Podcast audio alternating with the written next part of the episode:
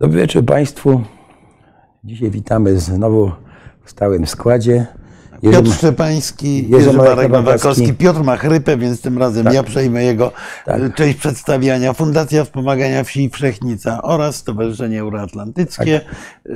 I, I niestety jak zwykle nie dają Ale nam Marku, spokoju. Tak, nie dajemy spokoju. Nie, nie dają nam spokoju nie politycy światowi. Politycy, tak. Ale chciałbym, tak jak się umawialiśmy, mimo chrypy, polecić Państwu książki o Chinach, no bo e, e, czytamy, pewnie te książki, które polecam, Państwo już znają, tak? ale tym niemniej pozwolę sobie powiedzieć tak, że dla mnie osobiście taką lekturą, która jest e, no, wstępem do tego, żeby rozumieć Chiny, to jest Kissinger o Chinach. Zwłaszcza pierwsze rozdziały, bo potem on opisuje już.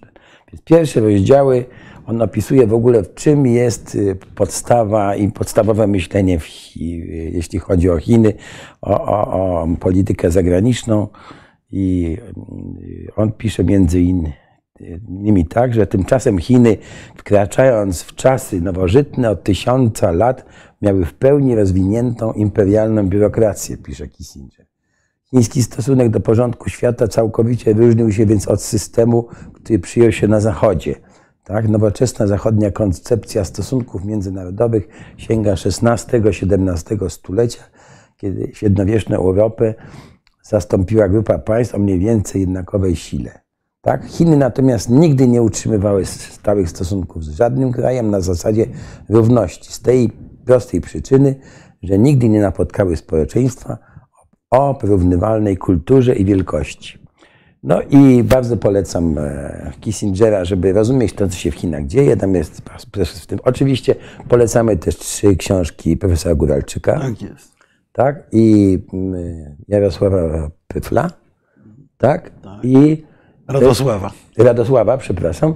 No i też y, y, Michała Lubiny Niedźwiedź w cieniu smoka. Ta książka jest y, dostępna już w, w otwartym już nie pamiętam na jakim, ale na pewno Państwo w internecie znajdą. Tak, no to dość łatwo tak. wujek Google pozwoli znaleźć. Tak, także chyba możemy polecić te książki, jeśli chodzi o... Na pewno tak, na pewno. Jest tak. jeszcze parę interesujących książek starych, biografia Mao Zedonga. Przede wszystkim e, ja bym Państwa namawiał, żeby tę obraz Chin uzupełnić sobie e, opracowaniami mówiącymi o historii imperiów środkowoazjatyckich, o historii jedwabnego szlaku, bo to jest właściwie ta jedyna linia łącząca świat Chin z Zachodem przez całe stulecia.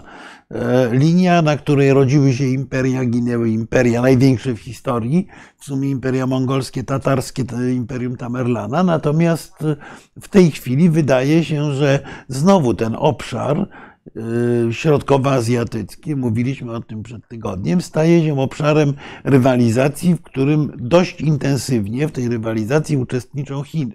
Bo patrzymy na Chiny przez pryzmat Tajwanu, patrzymy przez pryzmat rywalizacji chińsko-amerykańskiej, natomiast w mniej dostrzegamy ich aktywność na azjatyckim lądzie. Ta jest naprawdę duża i warta uwagi, więc warto tutaj też ten rys historyczny po ten rys historyczny sięgnąć. Dobra, to tyle wstępu, jeśli chodzi o książki, no bo e, wydaje mi się, że e, powinniśmy podsuwać tytuły. No, rozumiem, że być może jesteśmy zbyt e, bezcelnie to robiąc, bo wiemy, że Państwo na pewno się tym interesują. No, tak, ale, ale, tutaj pada, ale... że szkoda, że nikt nie słyszałem o chińskiej kulturze. Otóż o chińskiej kulturze właściwie wszystkie te książki mówią, tak, te polityczne. Tak. Między innymi dlatego, że e, chińska polityka bardzo mocno jest zakorzeniona w tradycji kulturalnej chińskiej, w tym w chińskiej odrębności, której mm. my też do końca chyba nie rozumiemy w Europie. Y, czy, czy szerzej na Zachodzie. Wobec tego właściwie każde z opracowań, o których mówimy, jest opracowaniem sięgającym y, y, właśnie kwestii kulturowych. Zresztą ta, ta kwestia, o której, o której AHA, czyli pan, pani, nie wiem, nie, nie, wiem, nie, nie, nie wiem, jak się zwracać, powiada w komentarzu, jest w istocie kwestią, która w dużej mierze determinuje kłopoty Chińczyków. Dlatego, że Chin obawiają się w Azji, tak jak obawiamy się, na przykład w Polsce są obawy przed Niemcami, którzy nas mogą cywilizacyjnie zdominować. Otóż ta dominacja cywilizacyjna i kulturowa Chin na obszarze zarówno części Indochin, tutaj nienawiść chińsko-wietnamska jest przecież klasycznym przykładem. Nienawiść po prostu, mimo że jak ktoś zrobił badanie etnosu, to się okazało, że w sensie genetycznym łańcuchów DNA Wietnamczycy są najbliżsi Chińczykom. Ale ta obawa jest również w Azji Środkowej. Jeżeli część Azji Środkowej oglądała się na Moskwę jako na protektora, to nie tylko dlatego, że wynikało to z historii ostatnich kilkudziesięciu lat, ale właśnie również wynikało z tego, że mieszkańcy tego regionu obawiali się, że Chiny, nie używając siły w odróżnieniu od Rosji, ale że zdominują cywilizacyjnie i kulturowo. Wobec tego, wobec tego ten czynnik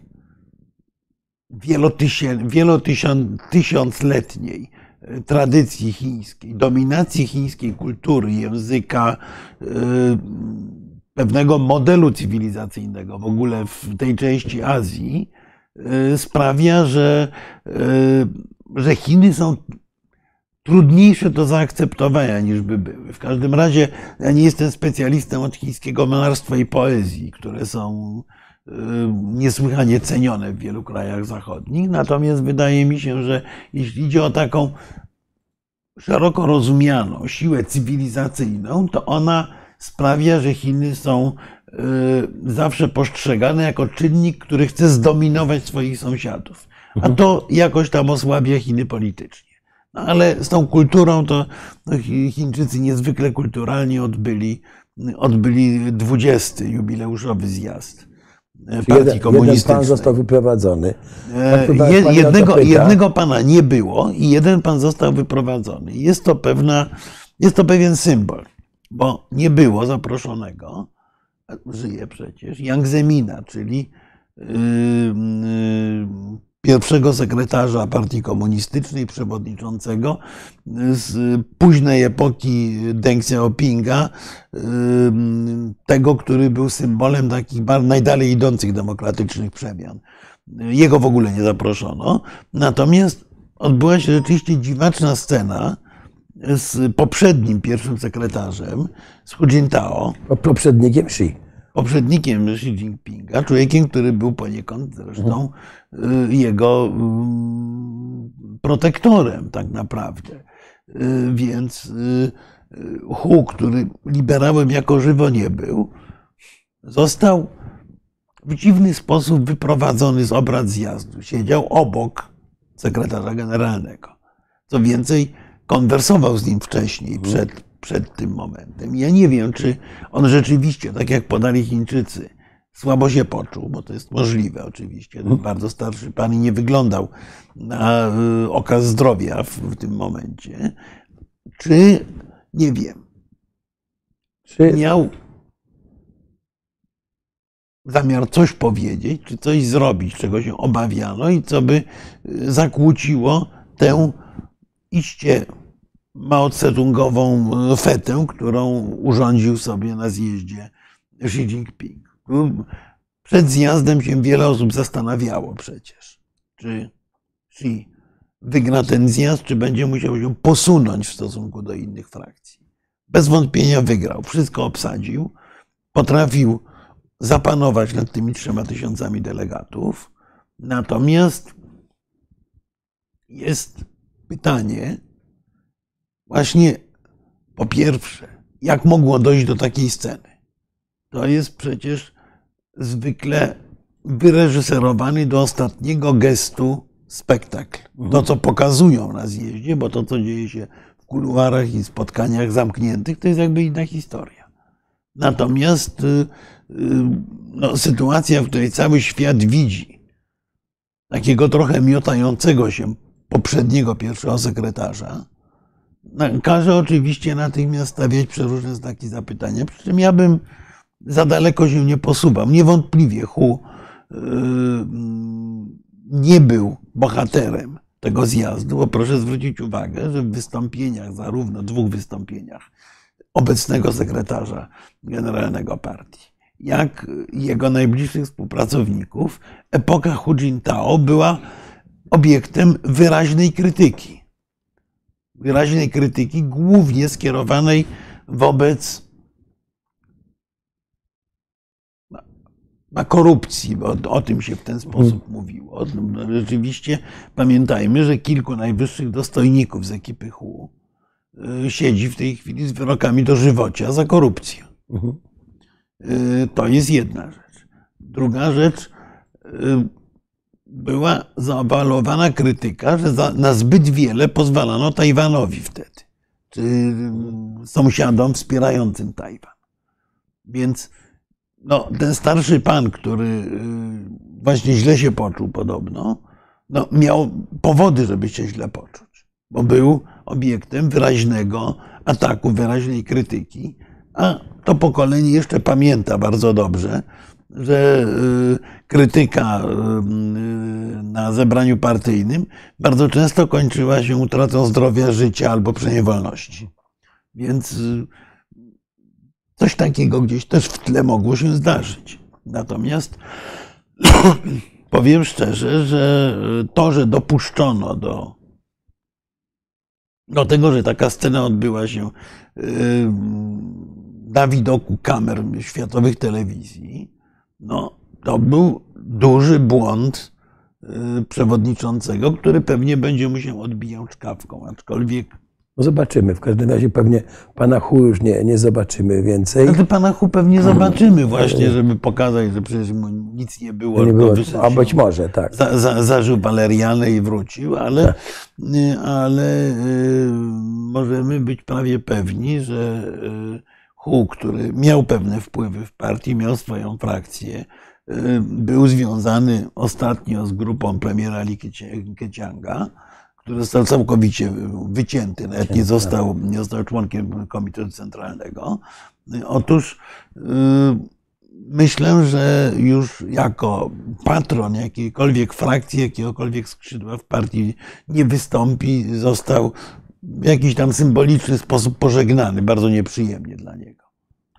E, to teraz skupmy się na tym, wiadomość dla świata, jaka płynie z tego zakończenia znaczy, tego. Wiadomość dla świata, jaka z tego płynie, nie jest dobrą wiadomością, hmm? ale ma elementy dobrej wiadomości. Nie jest dobrą wiadomością z jednego powodu. E, takiego, że cały ten zjazd, cała wizja świata zaprezentowana przez Xi Jinpinga i zaaprobowana właściwie bez jednego głosu sprzeciwu, informalnego, to jest wizja e, Chin imperialnych. To zostaje wpisane do statutu partii, ma być wpisane do konstytucji y, sprzeciw wobec jakiejkolwiek form separatyzmu tajwańskiego. Separatyzm tajwański w świetle nowego prawa chińskiego będzie zbrodnią. No to oczywiście jest na przykład oskarżenie wobec wszystkich sił politycznych Tajwanu, które dążą do y, albo pełnej ogłoszenia niepodległości pełnej, czy, separacji od Chin, albo faktycznej separacji, a to już jest właściwie wszyscy na Tajwanie to, to, to mówią, to, y, to jest zła wiadomość. Zła wiadomość jest również taka, że bardzo wyraźnie powiedziano, że istnieje prymat y, polityki nad gospodarką. Dobra część tej wiadomości jest taka, że jeżeli Chińczycy e, wchodzą w te buty pełnej polityzacji gospodarki, ona była w dużym stopniu spolityzowana, ale w dużym stopniu nie całkowicie. To było największe osiągnięcie e, Deng Xiaopinga. Tutaj ktoś słusznie, słusznie powiedział, że to nie była nie tyle demokratyzacja, ile pewne uwolnienie gospodarki. Mhm. Natomiast e, w zapowiedzi nowej ekipy kierowniczej Xi to są zapowiedzi pełnej polityzacji gospodarki chińskiej, podporządkowania celów ekonomicznych celom politycznym, a tym głównym celem politycznym jest ostateczne zjednoczenie ziem chińskich, czyli czytaj zajęcie Tajwanu. No, tak to wygląda. Więc y, prawdopodobieństwo gorącego konfliktu na Dalekim Wschodzie rośnie po tego typu wyborze, po umocnieniu się Xi. On musi, jak każda dyktatura, to dotyczy również Rosji w konflikcie z Ukrainą, wielu innych tego typu systemów. Xi, jak każda dyktatura, musi ogłosić sukcesy a jednocześnie sam zarysował horyzont tego sukcesu w postaci reunifikacji Tajwanu. Wobec tego to jest bardzo niedobra informacja z punktu widzenia utrzymania pokoju na świecie. Jak mówię, dobrą częścią tej informacji jest to, że prawdopodobnie chiński impet gospodarczy, impet rozwojowy nieco osłabnie, bo no bo gospodarka sterowana przez partię wygląda tak, jak widzieliśmy w PRL-u i we wszystkich krajach komunistycznych przez dobre parę, parę dziesięcioleci. Wobec tego, jeżeli odbiera się Chińczykom te resztki wolności, te kawałki wolności, poletka wolności, no to, to mamy jeden element. Mamy element e, ewolucji. Mamy element ewolucji bardzo podobnej do tego procesu, który zachodzi w Rosji. To znaczy ustrój, twardy ustrój autorytarny, który był w obu tych krajach, zostaje pomału, czy jest pomału przekształcany w system totalitarny. Jak kiedyś rozmawialiśmy, że ja mam taką bardzo prostą miarkę rozróżniającą systemy totalitarne od autorytarnych. Otóż system autorytarny jest systemem opresyjnym, oczywiście, nieprzyjemnym, najczęściej dyktatorskim, najczęściej wiążącym się z yy, no, yy, mało yy, eleganckim no, sposobem zwalczania wszelkiej opozycji, ale jest to system, który nie łamie kręgosłupa. To jest system, który żąda, żeby nie być przeciw, bo jak ktoś jest przeciw, to może bardzo źle na tym skończyć. Natomiast system totalitarny jest systemem, który ma w swoim założeniu złamanie kręgosłupa. Czyli e, w systemie totalitarnym nie oczekuje się od obywatela, że nie będzie przeciw w systemie totalitarnym oczekuje się od obywatela, że będzie entuzjastycznie za. I proszę zwrócić uwagę, że i w Rosji system w tym kierunku ewoluuje, bo od obywatela na przykład oczekuje się, że wyjdzie i powie, że na Ukrainie odbywa się wojna z faszyzmem i operacja specjalna, czy konflikt z faszyzmem i operacja specjalna, a nie żadna wojna rosyjsko-ukraińska. I za użycie już niewłaściwych słów, za niewsparcie Rosji w tym konflikcie, obywatel jest karany.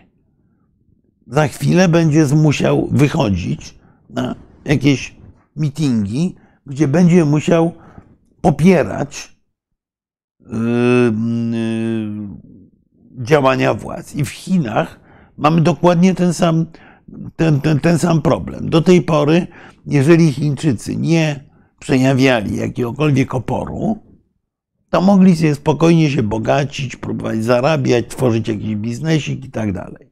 Otóż ewolucja systemu chińskiego, łącznie z systemem punktów obywatelskich, który jest w ogóle no, przeskoczeniem norm Orwella, ale ewolucja systemu chińskiego zmierza do tego, że obywatel ma entuzjastycznie popierać linię partii.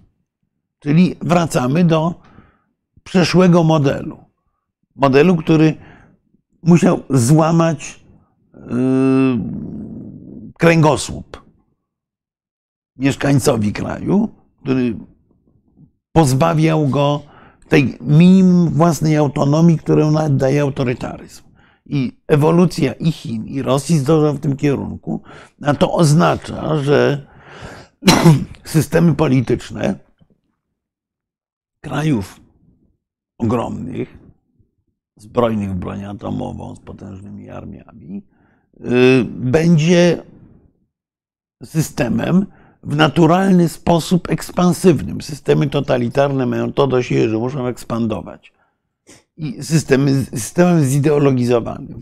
Ten sygnał po zjeździe partii komunistycznej jest systemem bardzo czytelnym, sygnałem bardzo czytelnym. I mówię, z drugiej strony Chiny jako przeciwnik gospodarczy wydają się być mniej groźne w takim systemie.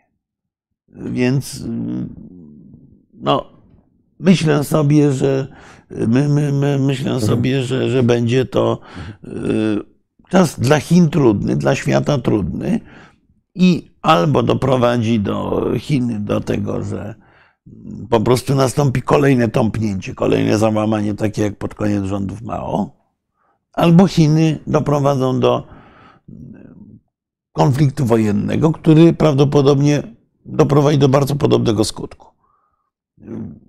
Partia chińska liczy 100 milionów członków prawie, ma 100 lat, wobec tego no, może je powoływać już na tradycję, solidną tradycję, ale niestety jest to powrót, jak słusznie zauważył jeden z naszych widzów, jest to powrót do maoizmu ze wszystkimi tego konsekwencjami. Tutaj mamy mnóstwo wątków tak, w naszej tylko, debacie, ja ale zaraz jeden, do nich wrócimy. Jeden wątek, jeśli pozwolisz, nie róbmy błędu, że Chiny kupują port w Hamburgu.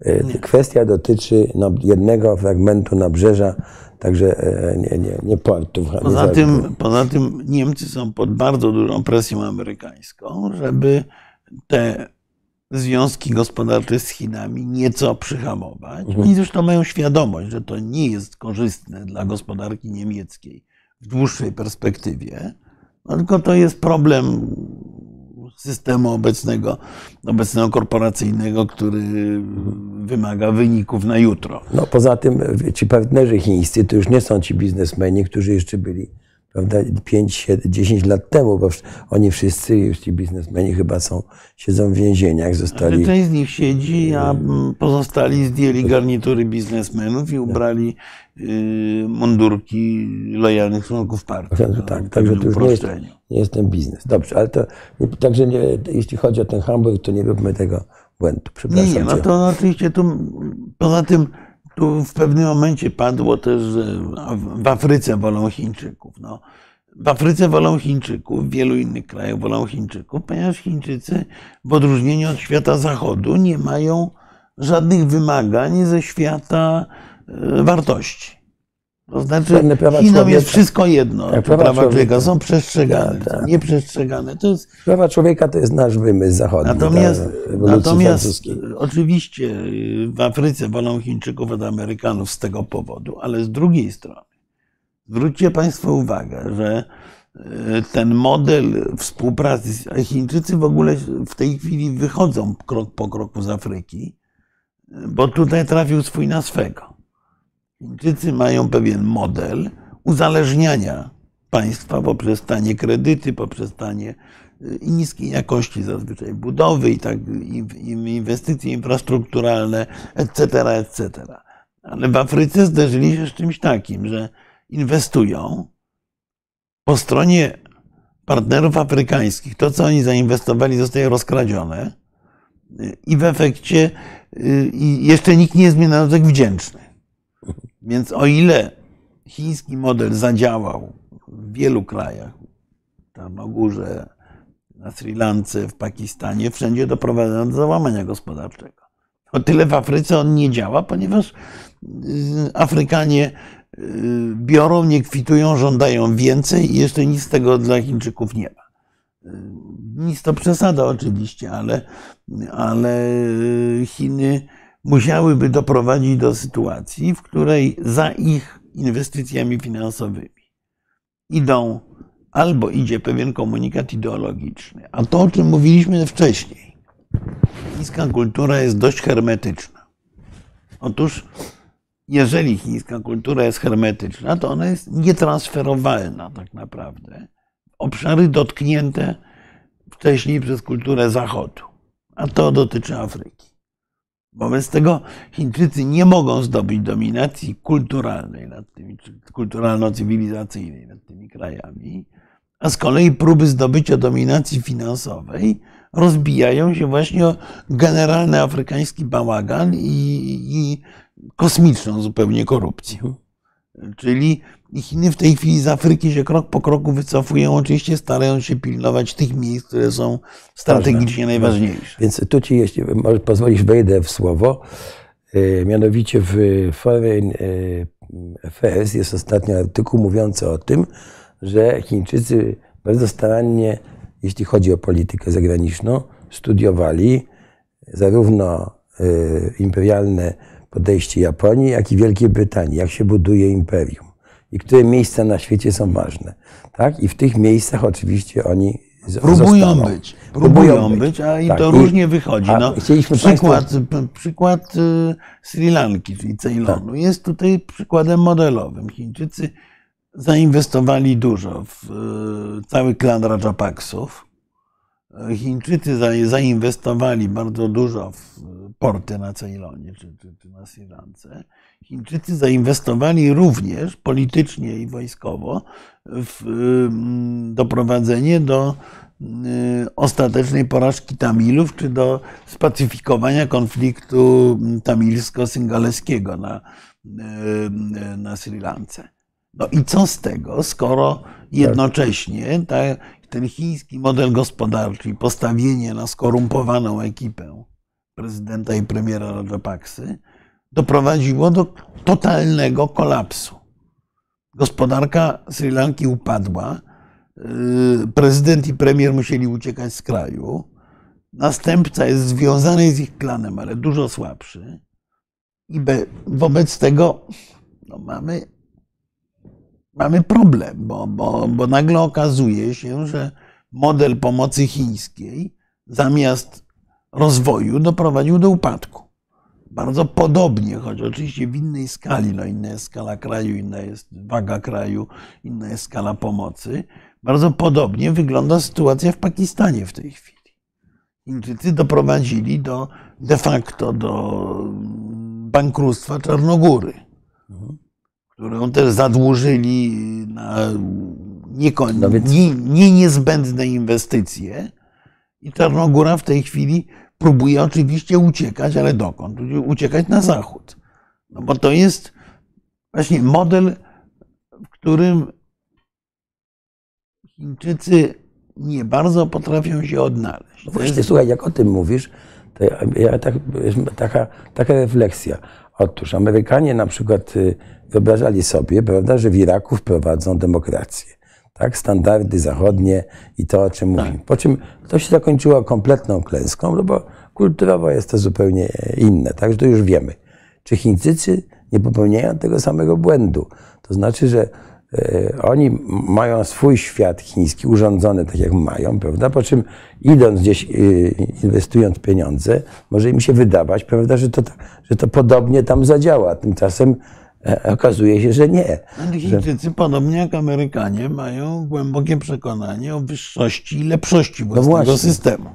Więc oczywiście, y, oczywiście y, tutaj próbują, pró, pró, próbują tą, tego systemu nie, nie, nie wprowadzać. Oni przychodzą do większości krajów, do których przychodzą ze swoimi inwestycjami, z głębokim poczuciem wyższości Wyższości, no i właśnie. pogardy wobec y, lokal, lokalsów tak zwanych, co nie za dobrze wychodzi.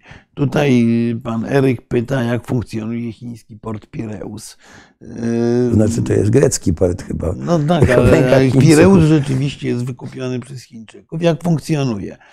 Po pierwsze, y, flota grecka, y, bazująca w dużej części w Pireusie, nie wyłącznie, w, części pod banderą grecką Pireus jako bazę, jest głównym obsługującym eksport objętej, y, objętej embargiem ropy rosyjskiej. Na ostatnim spotkaniu Unii Europejskiej, Grecy wymusili zdjęcie sankcji z tych, którzy transportują ropę rosyjską. No bo, bo to statki greckie i cypryjskie głównie robią. Więc do czego służy Pireus? Na przykład między innymi do tego. Ale Pireus miał być częścią morskiego jedwabnego szlaku. A ten jedwabny szlak się posypał trochę. No w tej chwili w tej chwili my skądinąd też tracimy na tym, bo, bo, bo Polska była jednym z kluczowych ogniw tego lądowego jedwabnego szlaku, który mhm. idzie coraz słabiej. Przez Rosję jadą pociągi cały czas, polskie i chińskie. Natomiast po pierwsze czują się mniej bezpiecznie, po drugie jedzie ich mniej, a po trzecie Rosjanie za chwilę to prawdopodobnie przytną. Do tej pory tego nie zrobili, ale. Ale, ale muszą coś, muszą zadziałać. Będą tak, musieli tak, zadziałać. Chińczycy próbują. Chińczycy wykonali rzecz jedną. To jest jedna z kilku takich zgniłych, obrzydliwych, paskudnych żab, które musiał zjeść Władimir Putin.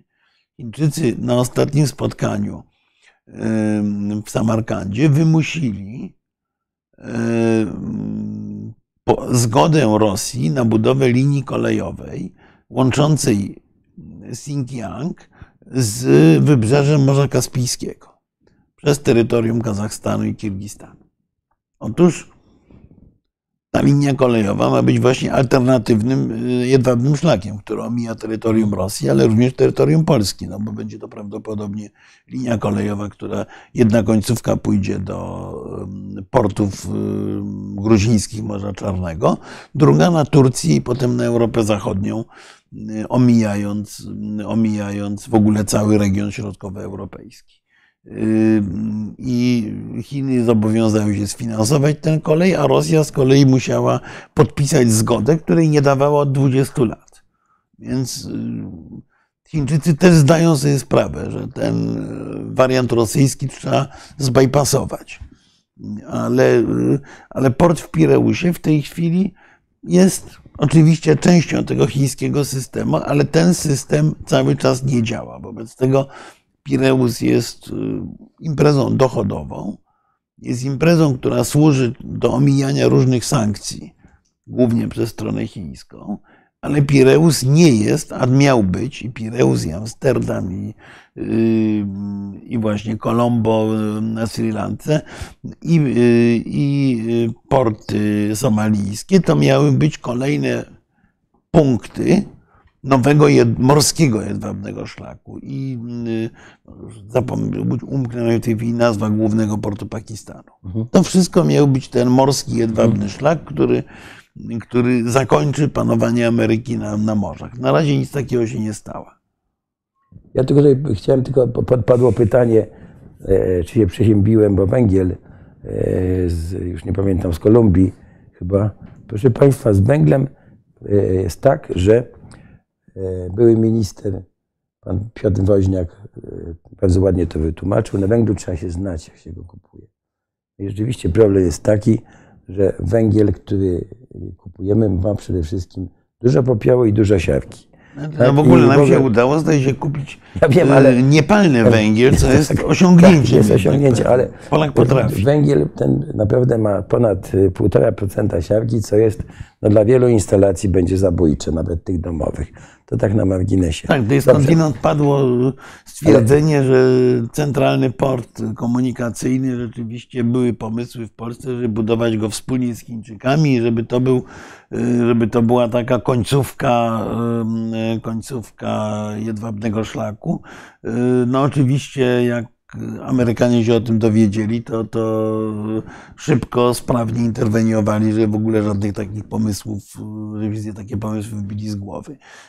I ten, ten, ten pomysł już zmarł, ale rzeczywiście Chińczycy chcieli doprowadzić do tego, że ten centralny port komunikacyjny połączy lotnictwo, połączy koleje, drogi, że będzie takim jednym z punktów dystrybucyjnych chińskich, tylko y, no, to był pomysł Chin y, dobre parę lat temu, połączony z pomysłem tej grupy 16 plus 1, która też się faktycznie rozpadła, y, która z nieznanych powodów cieszyła się poparciem politycznym w Polsce, z różnych środowisk zresztą, ale również obecnej władzy. I, no i, i, i po prostu, proszę Państwa, idea CPK jako końcówki interesów chińskich w sytuacji konfliktu naszego głównego sojusznika z Chinami, konfliktu fundamentalnego absolutnie, było oczywiście nie do utrzymania w żaden sposób. Ja nie wiem, dlaczego, dlaczego ktoś lazł w tego typu koncepcje, no bo to, to by oznaczało rewolucję geopolityczną, czyli kompletne, kompletne przesunięcie się Polski w inną strefę, w inną strefę geopolityczną jest obecnie, bo, bo, bo po prostu Pada pytanie o TikToka, zaraz, zaraz spróbuję powiedzieć, że nie, TikToka nie znoszę, e, ale mm, y, pomysł ścisłych związków z Chinami był pomysłem skrajnie antyamerykańskim. To zresztą to, to, to była podobna historia jak, jak ta rozmowa ostatnia prezydenta Dudy z prezydentem Iranu. Najpierw urządzamy głęboko antyirański szczyt pod wpływem amerykańskim, a potem nagle dzwonimy do prezydenta Iranu w momencie, kiedy ten morduje swoich obywateli masowo. Ale innych też. I, i pomaga Rosjanom tak. w mordowaniu Ukraińców.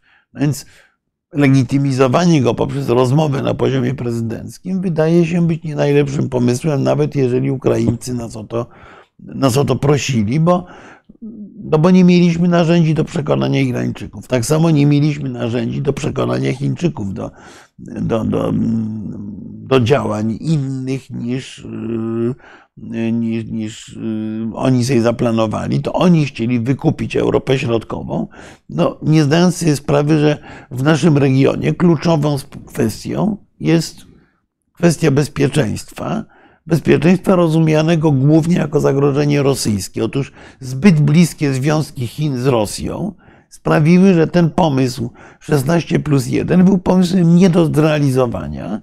Był pomysłem, który w istocie mógł wyłącznie doprowadzić do osłabienia więzi z Zachodem niektórych krajów regionu. Chińczycy liczyli, że takim krajem będzie najważniejszy kraj tego pakietu, czyli Polska. Szczęśliwie tak się nie stało ale też nasi politycy od czasu do czasu. No ale ja pamiętam ten entuzjazm, Marku. Tak, prawda? tak. Y, ale... Jeśli chodzi o, o, te inwestycje i tak dalej, co w ogóle dla mnie jest niezrozumiałe. Tak, no Dla, padło... Dlatego, że takie, taka inwestycja jak port lotniczy, no proszę Państwa, to trzeba inwestować w edukację i nowe technologie, a nie prawda, w przeładunkowe. Ale tak nawet powiem, jeżeli w centra, no. w centra przeładunkowe, to nie w centrum e, współzarządzane albo wręcz tak. zarządzane przez głównego przeciwnika naszego głównego sojusznika. No, albo zależne tylko od niego, tak? Tutaj pani Ela Lasota powiada, czy Bush był skrajnie amerykański, y, bo on rzeczywiście był zwolennikiem współpracy z Chinami. Y, Amerykanie y, ostatnio wprost przyznają, że y, głębokość tej współpracy w pewnym momencie była błędem. Natomiast właściwie ten, ten moment zerwania amerykańsko-chińskiego to jest późna prezydentura Obamy i prezydentura Trumpa. W tym momencie Amerykanie się po prostu zorientowali, że wyhodowali sobie własnymi technologiami, własnymi inwestycjami, yy, własny, za własne pieniądze przeciwnika. Tak, pamiętamy to. Słuchaj, ale wróćmy jeszcze do spojrzenia tego yy, Była mowa o TikToku, Ali, tak, no myślę, że to szerzej. To jest TikTok, to jest AliExpress, to, tak. to, są, to jest Huawei, to, są, to, to jest Xiaomi i tak dalej. To są chińskie sieci komputerowe, to są chińskie produkty elektroniczne, które coraz częściej jest udowadniane, że one, że dane, które posiadają firmy chińskie, są używane w celach politycznych przez chińskie rządy. Wobec tego zaczynamy od, od, tych wszystkich systemów uciekać. TikTok jest, yy, właściwie nie jest czynnikiem komunikacji politycznej, natomiast jest czynnikiem rzeczywiście budowania pewnych, pewnych narracji, które potem pojawiają się w obiegu różnych państw, bo TikTok jest niesłychanie popularny. Wobec tego ja entuzjastą TikToka nie jestem. Więcej, nie jestem jego użytkownikiem, więc nie będę się tutaj mądrzył przesadnie na ten, na, na, na, na ten temat. Natomiast siła TikToka jest rzeczywiście gigantyczna i prawdopodobnie w pewnym momencie Zachód będzie musiał coś z tym zrobić. No tylko prawda jest taka, że my jesteśmy uzależnieni głównie od Amerykanów, bo przecież wielkie firmy technologiczne amerykańskie też działają w określonym otoczeniu politycznym. Oczywiście nie takim jak chińskie, ale nie miejmy złudzeń. Też, też działają w y, pewnym, pod pewną presją polityczną. Natomiast okay, to są nasi sojusznicy, a Chińczycy są przeciwnikiem, więc prawdopodobnie w pewnej chwili będziemy musieli znaleźć sensowną odpowiedź na popularność TikToka. Natomiast jest to piekielnie trudne. Pamiętacie Państwo dziką awanturę o sieci 5G obsługiwane przez Huawei, ale Amerykanom udało się ich wypchnąć. Tutaj w wypadku TikToka jest sytuacja gorsza, bo de facto rywalem TikToka jest, y, są kolejne produkty Google'a czy, czy, czy, czy Facebooka, właściwie nie Facebooka, Facebook to jest jak się dowiedziałem w ogóle. Meta. Y, nie, ale meta, to mowa konkretnie o Facebooku, to, to jest w ogóle sposób komunikacji dziadersów. Żaden normalny człowiek już nie używa Facebooka, tylko dziady stare. Więc no właśnie. Y, TikTok przejmuje trochę jego rolę, również pewien potencjał reklamowy, ale to oznacza, że y, znajdujemy się trochę między dżumą a cholerą. Albo wzmacniamy Zuckerberga z Instagramem, z jakimiś kolejnymi pomysłami na komunikatory, albo godzimy się na to, że rywalem jest y, chiński szpiegowski TikTok. Diabelska alternatywa w rzeczywistości. Y, więc y, nie wątpię, że chińskie firmy technologiczne, również TikTok, również AliExpress będą mniej lub bardziej intensywnie, w zależności od poziomu relacji politycznych, wypychane e, z rynków zachodnich na różne sposoby. Część z tych operacji wypychania z kolei nie budzi entuzjazmu zarówno generacji 20, jak polityków w wielu krajach, ponieważ oznaczają, oznacza to jeszcze głębsze uzależnienie od narzędzi amerykańskich. Mhm. Y, czy narzędzi amerykańskich korporacji, ale, ale w, tym, w, tym, w tym świecie elektronicznym, jak się zdaje, yy, wojna o wpływy jest jeszcze ostrzejsza niż w innych dziedzinach, w dziedzinach gospodarki. Wobec tego yy, musimy coś z tym zrobić, ale nie, nie mam pomysłu co, bo cokolwiek byśmy zrobili, to źle zrobimy. Słuchaj, y, wyjdźmy do Stanów Zjednoczonych. Dobrze, Tutaj bo... jeszcze od razu no. Białoruś ma podobno dobre stosunki z Chinami. Nie. Y, to było marzenie Łukaszenki. Łukaszenki y, Natomiast Chińczycy, widząc co się dzieje na Białorusi, w pewnym momencie machnęli ręką, zaczęli wycofywać pieniądze, wycofywać inwestycje, odmówili Łukaszence jakichkolwiek kredytów i wsparcia finansowego, więc dobre stosunki z Chinami to jest, to jest marzenie białoruskiego dyktatora, a nie, a nie realia. Dobre stosunki z Chinami ma Władimir Putin, ale one są dobre o tyle, o ile nie kłócą się z interesami Chin. Przecież bardzo dobre relacje z Chinami mieli Ukraińcy. Tak. Do momentu, kiedy Chińczycy nie ogłosili, że chcą, chcieliby kupić motor, motor a z kolei y, Stany Zjednoczone powiedziały, że jak y, Ukraina sprzeda Chińczykom motor Sicz, no to mogą Ukraińcy zapomnieć o współpracy ze Stanami Zjednoczonymi. Mhm. No i na tym się sprawa skończyła. Teraz okazuje się, że dyrektor generalny Motor Sicz, postać dość legendarna e, w Ukrainie, jest oskarżony o zdradę stanu i że jeszcze w czasie wojny przeciwko własnemu krajowi sprzedawał uzbrojenie używane przez rosyjską armię do zabijania Ukraińców. Więc sprawa wygląda dość paskudnie, ale, ale to, że Chińczycy robili podejście, że Chińczycy na przykład zainwestowali bardzo duże pieniądze na Krymie, które Rosjanie im całkowicie wyczyścili. Tutaj przyjaźń z Rosją okazała się niewystarczająca, żeby Rosja tolerowała kontynuowanie chińskich inwestycji na Krymie z czasów, kiedy Krym był ukraiński. AliExpress nie jest firmą technologiczną, to odpowiedź naszego Allegro. Nie no, oczywiście, oczywiście zgoda, natomiast pamiętajmy o roli tego Allegro, ale, ale Amazona i właśnie AliExpress to jest może nieprecyzyjnie z tymi firmami technologicznymi. Natomiast jest to nieprawdopodobna baza danych, proszę Państwa.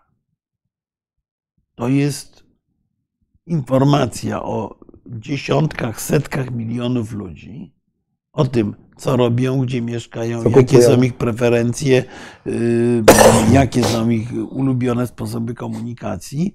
We współczesnym świecie najcenniejszą, najcenniejszym dobrem nie jest ani ropa, ani gaz, ani nawet lit, ani nawet nikiel, tylko informacja.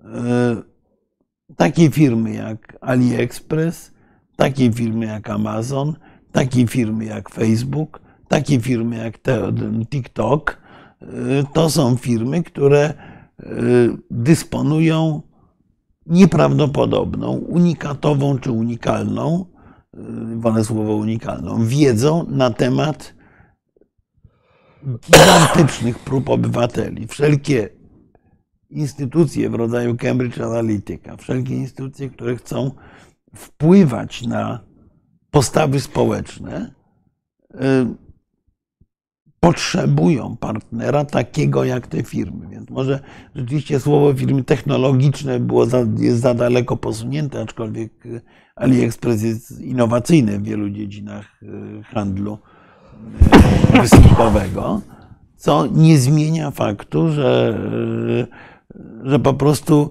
y, nie firma, tylko rząd Chińskiej Republiki Ludowej dysponuje tą wiedzą, którą posiada ta firma. Tak samo jak y, w różnych polach pozostałe wielkie, wielkie chińskie koncerny uchodzące za prywatne. I to jest problem, proszę Państwa. Mhm. Dlatego, dlatego jednym ciągiem te, te, te filmy rzeczywiście, może nie technologiczne, no ale, ale y, tak naprawdę, tak naprawdę no, potęga Amazona, potęga Jeffa Bezosa, to nie jest tylko, y, to, to nie jest tylko kurier, który dostarcza paczkę do domu, tylko to jest cały gigantyczny, rozbudowany system. System oparty w istocie finalnie na wiedzy o konsumencie Johnie Smithie. I połączenie możliwości sztucznej inteligencji z bazami danych, które posiadają takie firmy, jest po prostu zabójcze z punktu widzenia naszych interesów. Bo my będziemy dzięki AliExpress dostawali te informacje, tak spreparowaną informację i wiedzę ze strony chińskiej, żeby na podstawie naszego yy,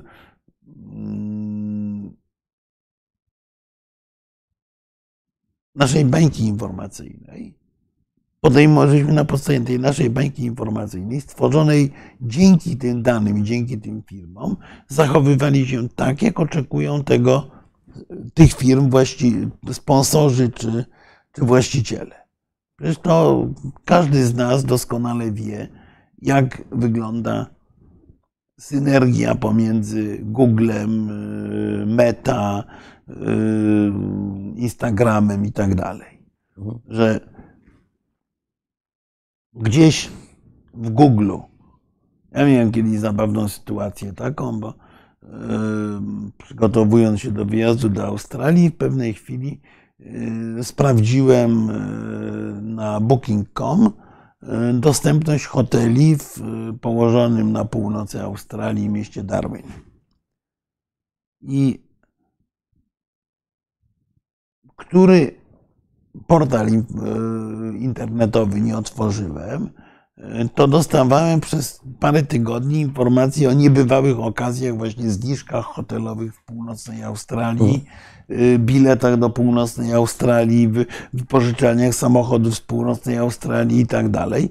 Mimo, że to było jednorazowe wyszukiwanie. Mhm. Każdy z nas doskonale wie, że cokolwiek sprawdził, to potem dostaje dziesiątki informacji, propozycji, dostaje maile oczywiście reklamowe yy, i tak dalej, i tak dalej. Więc teraz nałóżmy na to, proszę Państwa, siłę i możliwości instytucji państwowych.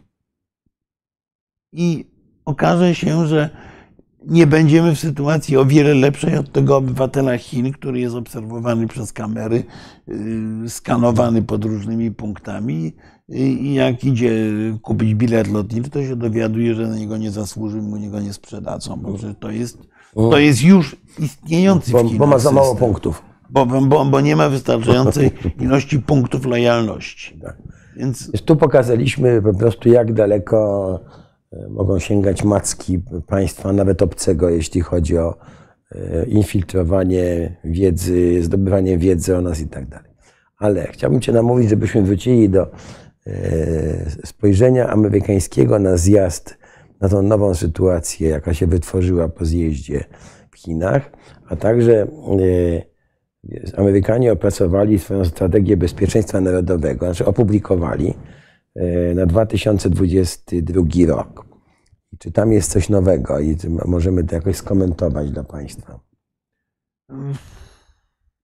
Nowe, cały czas pojawia się coś nowego.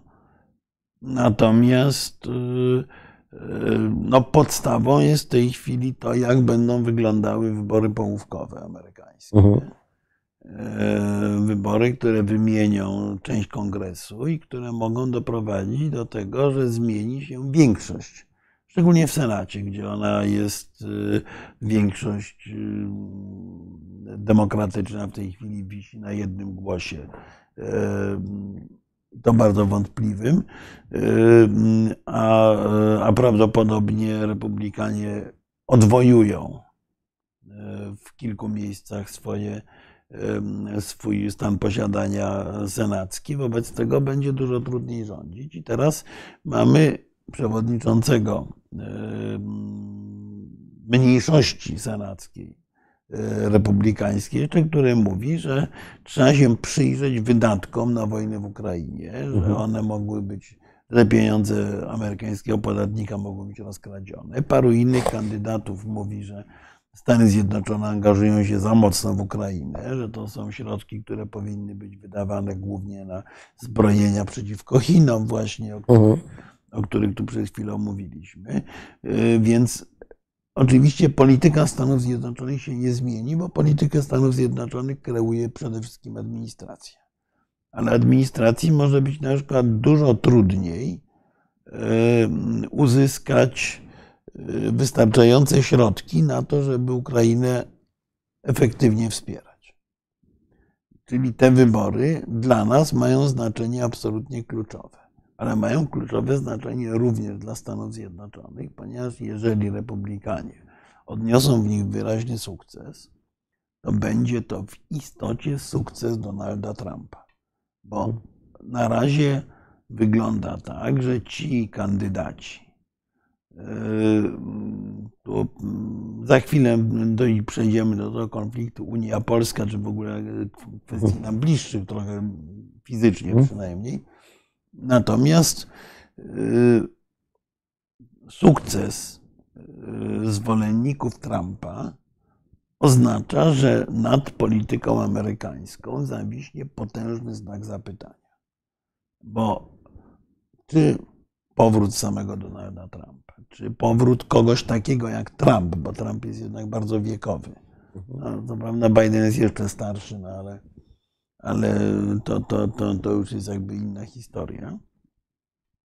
Też wydaje mi się, że e, wiek może być poważną słabością Bidena w e, ubieganiu się o drugą kadencję, a wydaje się, że go do tego namawiają.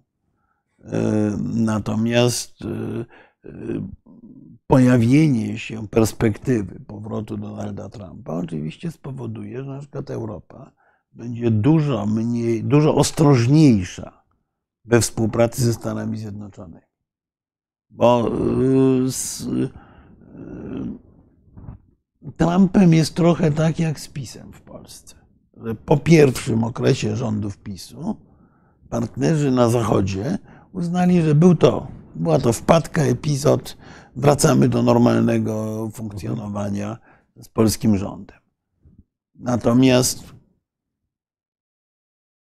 powtórka no, oznacza, że okej, okay, w takim razie tak rozumują, e, że tak rozumują obywatele tego kraju, skoro tak głosują. Więc jeżeli, e, jeżeli poparcie Donalda Trumpa będzie skutecznym sposobem na e, wzmocnienie kandydatów republikańskich, no to wtedy nad całą polityką Stanów Zjednoczonych zawiśnie y, ten znak zapytania, który postawił Trump, bo ja nie jestem zwolennikiem tych wszystkich krytyków, którzy twierdzą, że to wariat, idiota i tak dalej.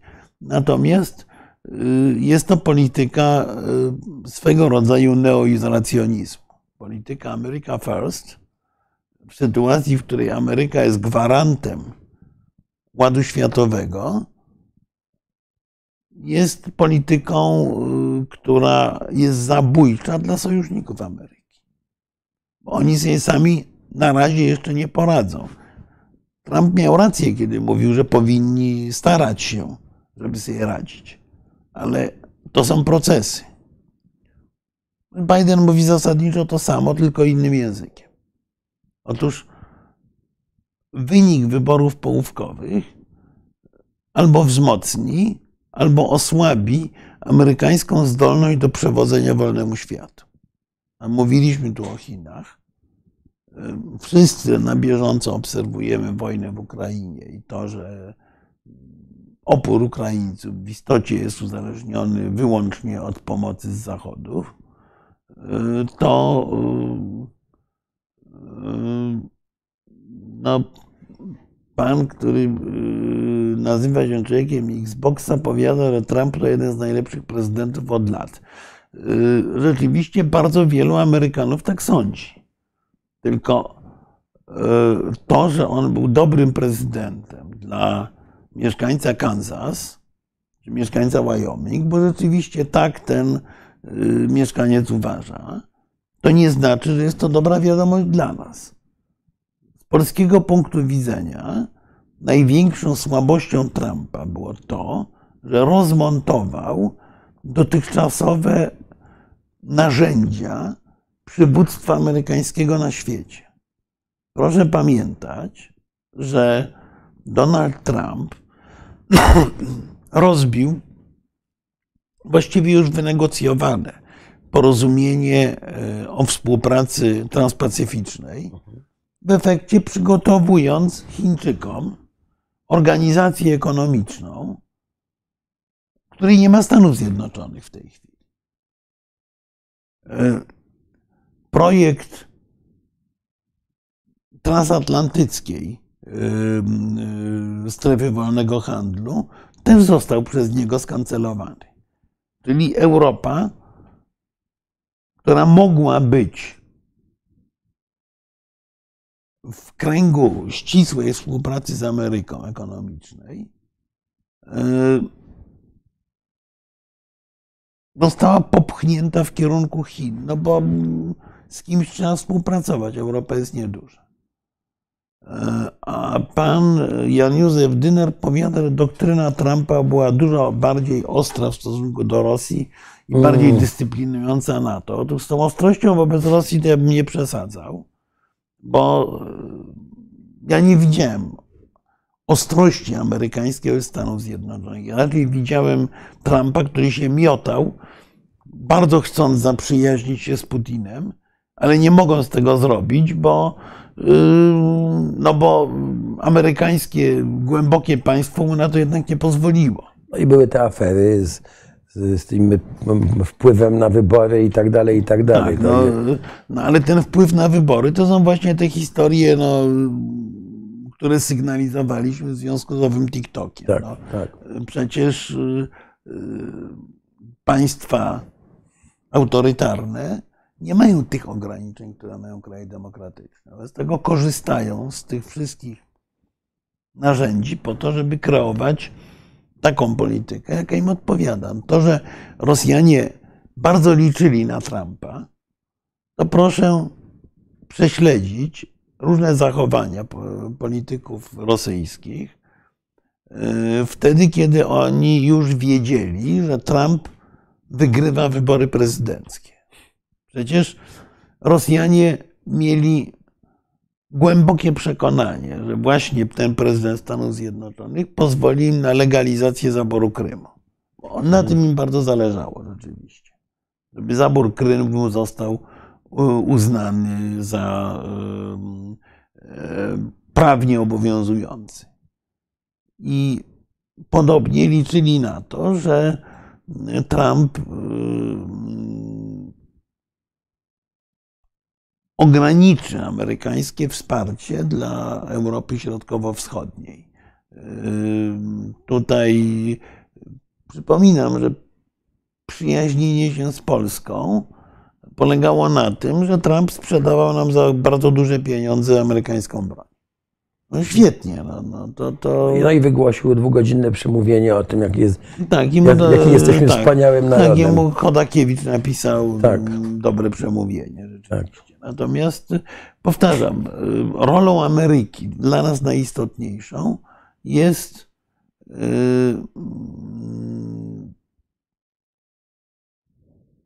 kreowanie światowego przywództwa i utrzymanie pewnego minimalnego katalogu wartości, którego broni wspólnie Zachód.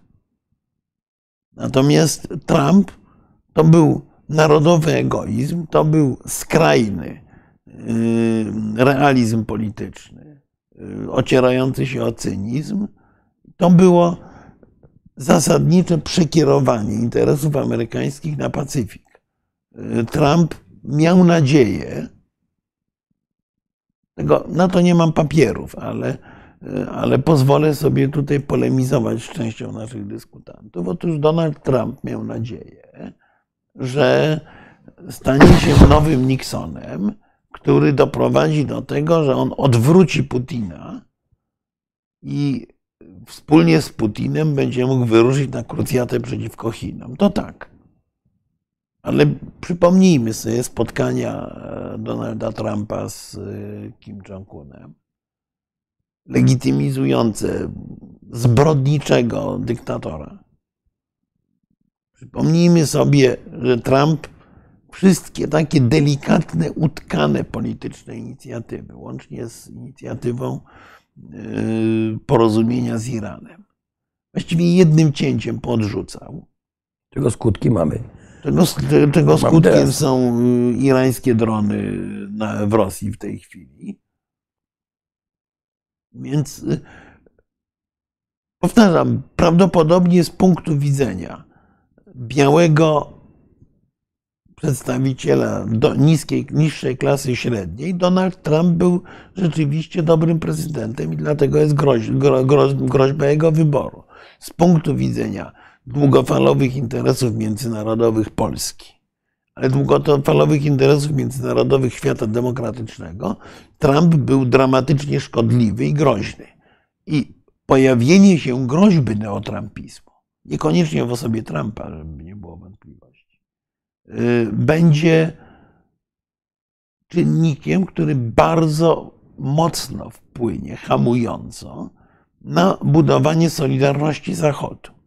A solidarność Zachodu to jest na przykład decyzja Unii Europejskiej o wstępna decyzja o przyznaniu stałego finansowania dla Ukrainy. To jest kluczowa sprawa. Pamiętajcie Państwo, że poza wojną, poza Hajmarsami, Ukraińcy potrzebują zwyczajnie pieniędzy. Są krajem pod nieustannym bombardowaniem i Ukraina według rachunków Banku Światowego potrzebuje plus minus 5 miliardów euro miesięcznie na takie codzienne funkcjonowanie. Na to, żeby można było urzędnikom wypłacić pensje, żeby można było zatrudnić lekarzy i tak dalej. Żeby jakoś to państwo funkcjonowało, no bo jak państwo przestanie funkcjonować, na taką, to ono przegra na, na, na takie codzienne Tak jest, funkcjonowanie. Nie, jest nie tylko I- chodzi o broń na frontach, tak, ale o wypłaty ludziom pieniędzy, Tak, tak, i o Amerykanie- utrzymanie usług publicznych i tak dalej. I tak dalej. Amerykanie zadeklarowali, że i, i to też Dobry wieczór Pani Katarzyno, I witam. to też będzie uzależnione od, w dużej mierze od decyzji kongresu. Ale Amerykanie zdecydowali, że y, co miesiąc wypłacają półtora miliarda dolarów. Mhm. Naciśnięta przez Amerykanów E- Unia Europejska zadeklarowała tę samą mniej więcej sumę. Kwotę, tak. Miliard osiemset chyba. Ponieważ Ukraińcy jakieś dochody niewielkie mają, no to prawdopodobnie ten comiesięczna transza tych kilku miliardów pozwoli Ukrainie się utrzymać. Pozwoli zapłacić na przykład ludziom, którzy się zajmują remontami y, niszczonych przez Rosjan elektrowni. Mhm. Jeżeli Amerykanie się z tego wycofają, no to po pierwsze, Europa zada sobie pytanie, dlaczego my mamy płacić. I może być z tym problem. Ale po drugie, będzie to oznaczało, że natychmiast e, w Europie zyskają na znaczeniu ci gracze, którzy próbują za wszelką cenę, głównie za cenę interesów ukraińskich, porozumieć się z Rosjanami. Mhm. Więc y, to- jest, to, to jest problem. e, To, to, to, to jest problem Donalda Trumpa. Nie to, czy Amerykanie go lubią, czy nie, czy był dla Amerykanów dobrym prezydentem, czy złym. Dla jedności Zachodu, którą w tej, chwili- której w tej chwili potrzebujemy bardziej niż czegokolwiek. Wybór Trumpa był tragiczny. To jest mój kłopot. Z naszego punktu widzenia Trump doprowadził do sytuacji, w której y, Polska stała się y, krajem kopiującym model polityczny Arabii Saudyjskiej, czyli płacenia olbrzymich pieniędzy za broń, którą Amerykanie nam sprzedają, co więcej, nie bardzo pozwalają skupić cokolwiek innego. Proszę Państwa, to pamiętajmy, że i wojna, i zagrożenia, i gospodarka to jest gra interesów. To jak mówiłeś o książkach, to ja nieustannie polecam książkę, która w tej chwili ma złą prasę, ale, ale która znakomicie obrazuje pewien model myślenia elit, z którym niekoniecznie się musimy zgadzać. To jest tragizm polityki mocarstw Johna Mersheimera, kiedyś polecałem i, tak, ja, ja i również w ja sprawach chińskich bym, bym, bym, również w sprawach chińskich bym ją bardzo polecał.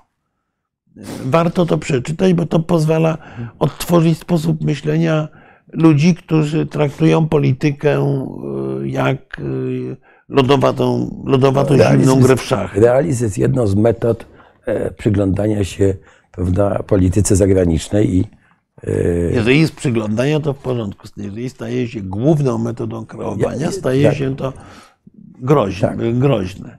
No właśnie tutaj pan Jakub Kito powiada, że Trump to taki cynik. Yy, Trochę tak, ale no jednak yy, głupszy od, od Merzheimera. Yy, Dobrze, wróćmy do, do bieżącej sytuacji. Czy sądzisz, że ta zmiana w Chinach, ta, y, taki wiesz, no bardziej asertywne, czy nawet budowanie No, imperium, wymusi na Amerykanach. Jak Amerykanie to e, widzą? no, wymusi na Amerykanach w oczywisty sposób usztywnienie polityki. Zresztą no, cała Tak. debata na temat przyszłości Xi Jinpinga, która właśnie przetoczyła się przez e, Foreign Affairs, na to wyraźnie Tak. wskazuje. Foreign Affairs, który jest liberalny, związany z demokratami, e, jest e, po prostu w sposób wyraźny nastawiony na to, że trzeba przygotować się do, na twardą, być może militarną odpowiedź. To jest jasne zupełnie. Tylko oczywiście zasoby każdego mocarstwa, również amerykańskiego, są skończone. Wobec tego im więcej Amerykanie przeznaczają na Ukrainę. spór z Chinami, Tak. tym mniejsze mają możliwości, żeby przeznaczyć na yy, wschodnią flankę NATO i tym bardziej będą naciskali na kraje europejskie, żeby kraje europejskie podwyższały swój poziom gotowości obronnej. Tylko kraje europejskie nie będą chciały angażować się w podwyższanie gotowości obronnej wtedy, kiedy w Waszyngtonie zasiądzie ktoś taki jak, jak właśnie Trump, kto powie, że na kogo nie, nie będzie można liczyć, że w pewnym, na, tylko, czy inaczej, będzie się można obawiać, że w pewnym momencie powie, rób ta, co chce, ta sobie sami, ja, ja, ja się tym w ogóle nie interesuję, możecie zapłacić, to sobie kupicie nasze rakiety, ale tylko tyle. No, to jest, yy, to, to jest zagrożenie. Biden przy wielu słabościach jest politykiem wyrastającym z głównego nurtu amerykańskiej polityki i politykiem obliczalnym. Politykiem, który ma dość jasną wizję świata demokratycznego kontra świat niedemokratyczny, który żąda od swoich sojuszników większego poparcia, ale który jednocześnie jest w stanie to poparcie dla swoich partnerów zapewnić. Przecież yy, ogromnym sukcesem Ameryki, nieprawdopodobnym zupełnie, myślę, że historycy dopiero opiszą, jest to, że Chińczycy, że, że Amerykanie tak, z takim sukcesem wsparli Ukrainę. Oczywiście tu mamy kłopot podwójny. Po pierwsze, właśnie te tendencje, że już za dużo. To, co pojawiało się tu w dyskusji, że na tej Ukrainie jest straszna korupcja. Korupcja na Ukrainie została od początku rządów Zełenskiego znacząco ograniczona. Nie twierdzę, że jej nie ma, ale została znacząco ograniczona. Natomiast cały czas to się pojawia, że tu Ukraińcy rozkradli, rozprzedali tę broń No tak, to jest amerykańską i tak dalej. Troszkę to jest narracja rosyjska. No to jest, tak, narra- tak, to jest narracja rosyjska, ale oczywiście narracja, która bardzo pasuje przy części kręgów republikańskich. Ja zwracam uwagę na jedną rzecz. Otóż chyba wczoraj e, dawny bliski współpracownik Trumpa, Steve Bannon, został skazany na kilka miesięcy bezwzględnego więzienia. Mhm. Właśnie za sianie e, nieprawdziwych informacji, z tego co pamiętam. Mhm. Więc y, do Trumpa będą się próbowali prokuratorzy pewnie też dobrać. To nie jest dobre, ale bo, bo, bo uważam, że załatwianie polityk, polityki rękami prokuratur i policji jest zawsze niedobre. Natomiast y, wydaje się, że taka próba zostanie, zostanie podjęta. I ja uważam, że Trump będzie najprawdopodobniej ojcem chrzestnym tej twardej amerykańskiej prawicy, no, no, do władzy raczej nie wróci. Tylko, Zobaczymy. tylko jeżeli zamiast Trumpa przyjdzie ktoś taki jak ktoś taki jak nie wiem, jego zięć Jared Kushner, który jeszcze to jest umoczony w przeróżne dziwne interesy, to nie jestem pewien, czy to jest, czy, czy, czy to będzie zmiana na lepsze. Słuchaj, y, Tak przejdźmy, na- przejdźmy teraz do tej wojny na Ukrainie, no bo ona chyba y, wkroczyła w jakąś nową fazę, prawda? Y, Jeśli chodzi o y, właśnie tam, nie, nie, my mamy mniej wiadomości, co może być dobrą wiadomością albo złą. To jest dobra wiadomość. Tak, Tak, ale- Ted, Ted Cruz jako, albo DeSantis jako, jako kandydaci to też możliwe rzeczywiście, ale, Tak. ale tu, tutaj oczywiście, oczywiście uważam, że teza, sojusz z Rosją i pozbycie się problemu Ukrainy to świetna okazja. Yy, No, uważam, że jest to prowokacja intelektualna, na którą nie warto, nie warto odpowiadać. No, yy, z Rosją, w tej chwili sojusz z Rosją to jest. yy, To znaczy, rozumiem, że pan zmierza do tego, chce powiedzieć, że Tak, za cenę Ukrainy Rosja, gdyby się, od, e, e, żeby się odwrócono odwróconego Kissingera w Tak, Unia zobaczy, że trzeba się z nami liczyć. No oczywiście to, to, to, to, to, to, to jest kompletna nieprawda.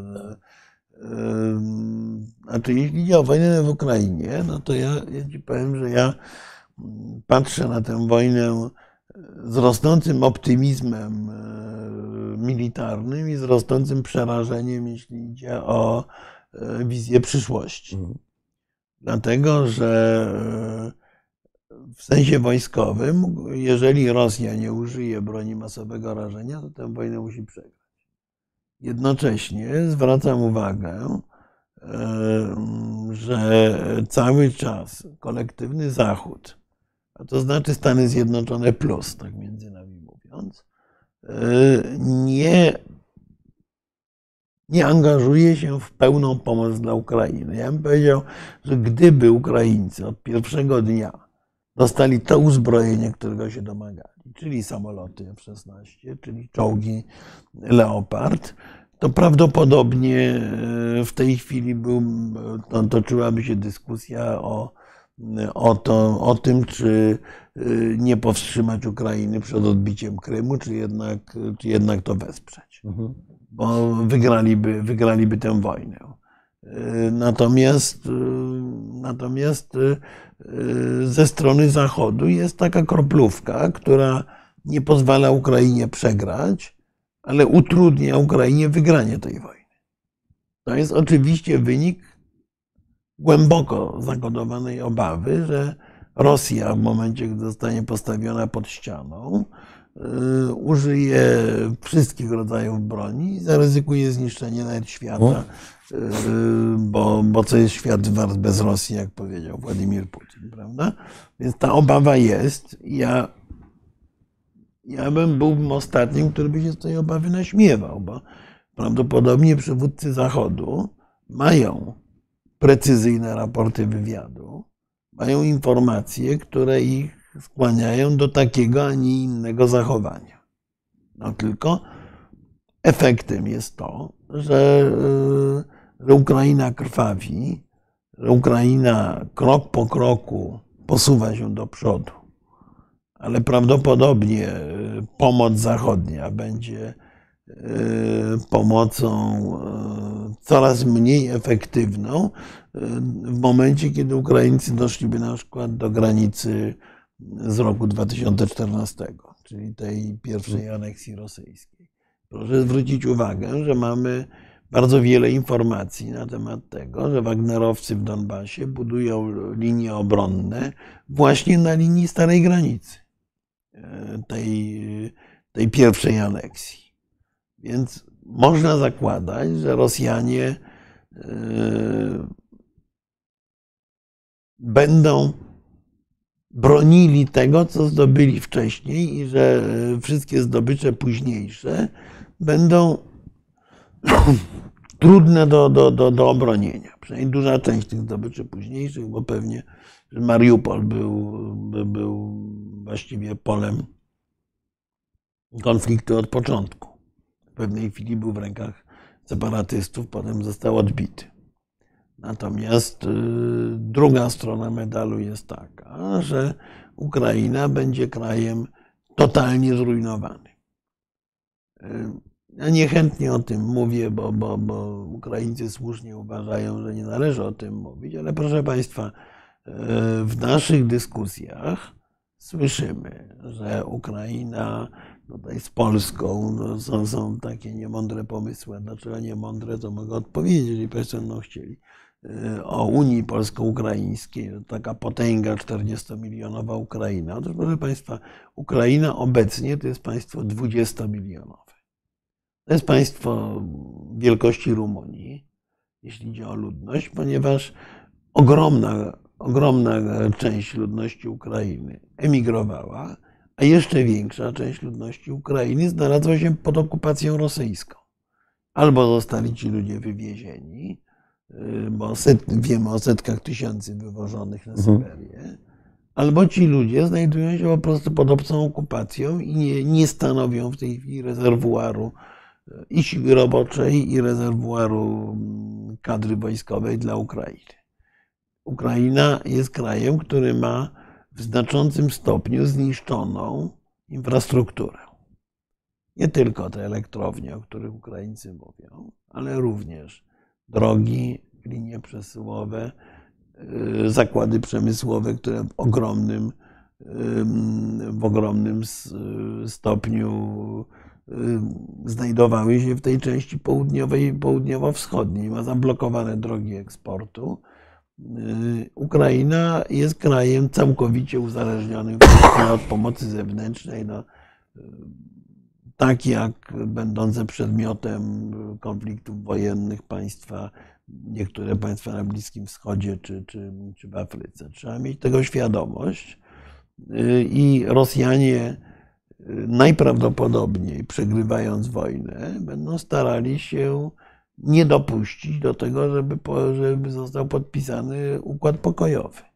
Czyli chcą zamrozić konflikt i ruszyć do przodu w wygodniejszej dla siebie sytuacji. I nasza rola teraz, jaka jest? Nasza rola w świecie Zachodu no, powinna być rola państwa, które nieustannie lobbuje za przekraczaniem kolejnych granic we wsparciu Ukrainy. Kolejnych granic, rozumianych właśnie na przykład jako dostarczenie Ukrainy nowoczesnych samolotów bojowych, nowoczesnych czołgów. Pamiętajcie Państwo, że zdaniem specjalistów wojskowych jeden zmodernizowany Leopard jest wart tyle, co pięć czołgów T-72. Czyli nawet te 90 czołgów, które wstępnie obiecywali Niemcy, to są siły, które równoważą właściwie rosyjską, ro, rosyjskie możliwości pancerne na południu Ukrainy. To też trzeba mieć tego świadomość. Ale tych leopardów nie ma. Ale tych F-16 nie ma. Ale pocisków dalekiego zacięgu nie ma. Y, dostawy są nieustannie limitowane, ograniczane nie wiemy, jak wygląda kwestia e, amunicji e, artyleryjskiej i tak dalej, i tak dalej. Więc bym powiedział tak, że e, kwestią absolutnie kluczową jest stworzenie w ramach Ukrainy, w ramach Zachodu, w ramach kolektywnego Zachodu partii zwycięstwa Ukrainy, bo ile wszyscy przywódcy mają gębę pełną opowieści o zwycięstwie Ukrainy, to jednocześnie prawie wszyscy przywódcy się tego zwycięstwa zwyczajnie boją. I deklarując, że nie uznają utraty terytorium ukraińskiego, że oczekują klęski Rosji, etc., etc., jednocześnie nie pomagają Ukrainie wystarczająco efektywnie, żeby tę wojnę wygrać. To jest, to jest podstawowy kłopot. Ten kłopot ma drugie, ma rewers w postaci niemożliwego w tej chwili do opisania, e, niemożliwej w tej chwili do, do, do dobrej odpowiedzi kwestii, jak długo Ukraina wytrzyma. To w momencie, kiedy zaczynała się ta wojna, proszę Państwa, wszyscy, z prezydentem Stanów Zjednoczonych włącznie, byli przekonani, że Rosjanie w ciągu tygodnia wygrywają wojnę. I pomysł amerykański był taki, że utopimy Rosjan tak, jak oni nas utopili w Afganistanie. Że będą mieli partyzantkę, opór społeczny, będą musieli utrzymać wojsko na Ukrainie, i tak dalej, i tak dalej, to Rosję zaangażuje w pełni, a Ameryka y, wspierając Ukrainę Stingerami y, czy, czy y, bronią ręczną dla partyzantki, czy łącznością dla partyzantki, wiadomościami wywiadowczymi i tak dalej, będzie utrzymywała Ukrainę w stanie wrzenia. Taki, taki był w mojej ocenie pomysł wyjściowy. Ukraińcy zrobili świństwo i się obronili. Jak się obronili, to zmienił się kompletnie model, model tej wojny i cały czas tak naprawdę nie ma finalnej decyzji. Poczytajcie Państwo publicystykę amerykańską. Poczytajcie Państwo choćby niedawny artykuł takiego dyplomaty rosyjskiego, który uciekł do Stanów Zjednoczonych, wyszedł z dyplomacji rosyjskiej, który też pisze wprost, że nie można upokorzyć Rosji, nie można Rosji, że Rosji się nie da pokonać, bo oni to mają wbite do głowy jak gwóźdź. I namawia czytelników Foreign Affairs do szukania drogi pokojowej. Otóż tu pani Irena pyta, dlaczego boją się zwycięstwa Ukrainy. Ano dlatego się boją zwycięstwa Ukrainy, że y, od pewnego momentu y, głębokości porażki rosyjskiej grozi nam to, że Władimir Putin zrealizuje swoją myśl, że świat bez Rosji nie jest nic warty i użyje nie tylko taktycznej broni atomowej, ale użyje jej w skali y, trudnej do, do, do, do przewidzenia. Więc y, bardzo proste. No. Ostatnim argumentem Rosji jest broń atomowa i broń chemiczna, ale oni ją rzeczywiście mają. Więc my musimy mieć przynajmniej wysoki stopień pewności, że w momencie, kiedy Władimir Putin podejmuje decyzję o ataku, nie wiem, atomowym na przemyśl, bo to wydaje mi się kierunek taki dla Rosjan bardzo atrakcyjny, to jego, to jego dowódcy uznają, że oszalał i po prostu albo go zastrzelą, albo aresztują. Na razie w myśleniu amerykańskim takiego, takiej opcji nie ma na stole. No, oni mają najwięcej informacji. Więc dlatego się boją zwycięstwa Ukrainy. Bo zwycięstwo Ukrainy rzeczywiście przewraca do góry nogami geopolitykę całej Eurazji. Właściwie. No i chaos w Rosji też. Nie no, chaos w Rosji, y, wojnę, prawdopodobne jakieś starcia domowe, mhm. niepewność, czy nie przyjdzie ktoś bardziej jeszcze nacjonalistyczny od Putina. Y, oczywiście załamanie przeróżnych łańcuchów dostaw, zagrożenie w ogóle Pamiętajmy, że Rosja dla świata zachodniego była bardzo wygodnym gwarantem względnego spokoju na całym obszarze postsowieckim, Azji Środkowej, Kaukazu. Wojna o Górski Karabach, kogo to obchodzi? Niech się Rosjanie tym zajmą, prawda?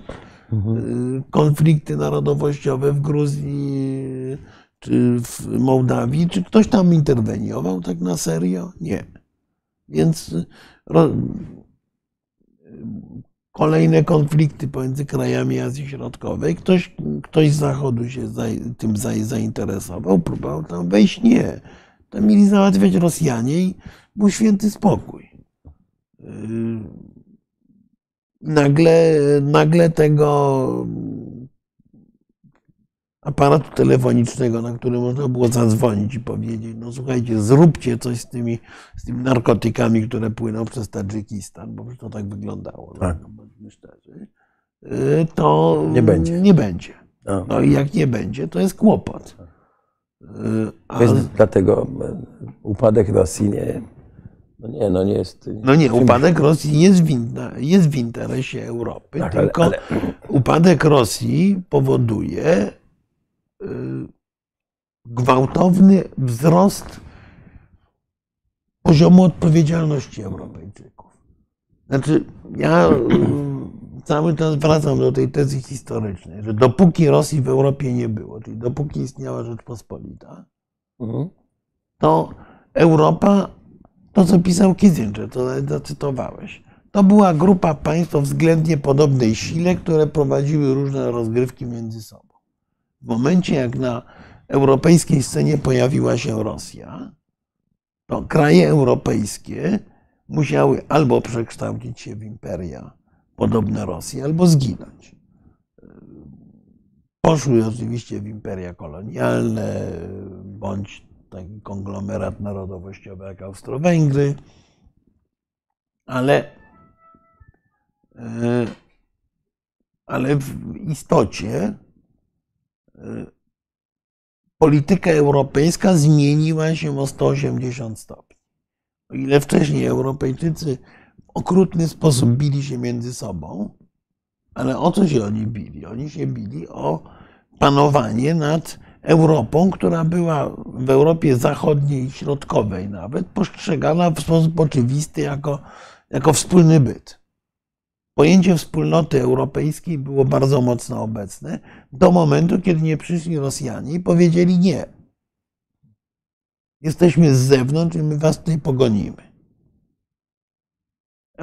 Państwa europejskie skończyły się kopać wzajemnie po kostkach i zaczęły ekspandować, żeby dorównać ciężarem Rosji, która tą Europą, tę, tę Europę swoim ciężarem demograficznym, niedemokratycznym,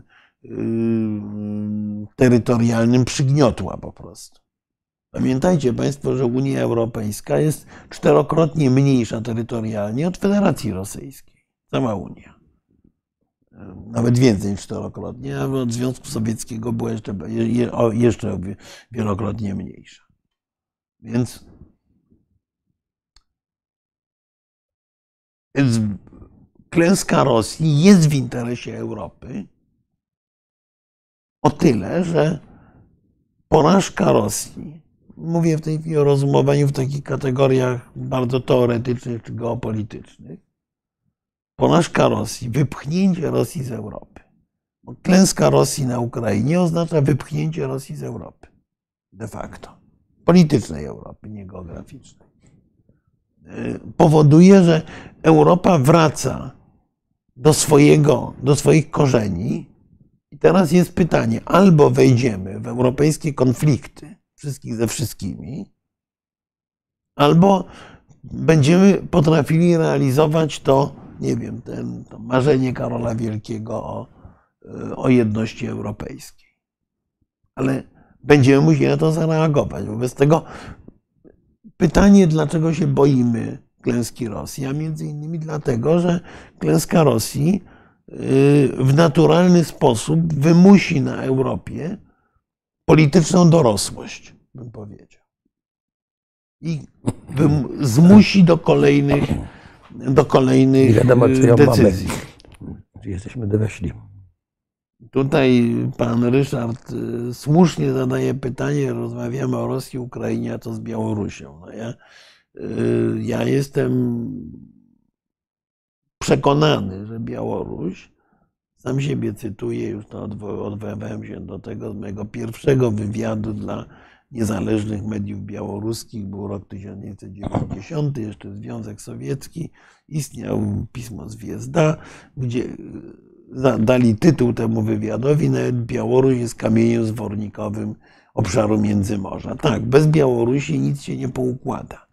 Tylko, panie Ryszardzie, ja e, jestem przekonany, że klęska Rosji jest automatycznym wyrokiem śmierci politycznej, nie chcę mówić o innej, dla y, Aleksandra Łukaszenki.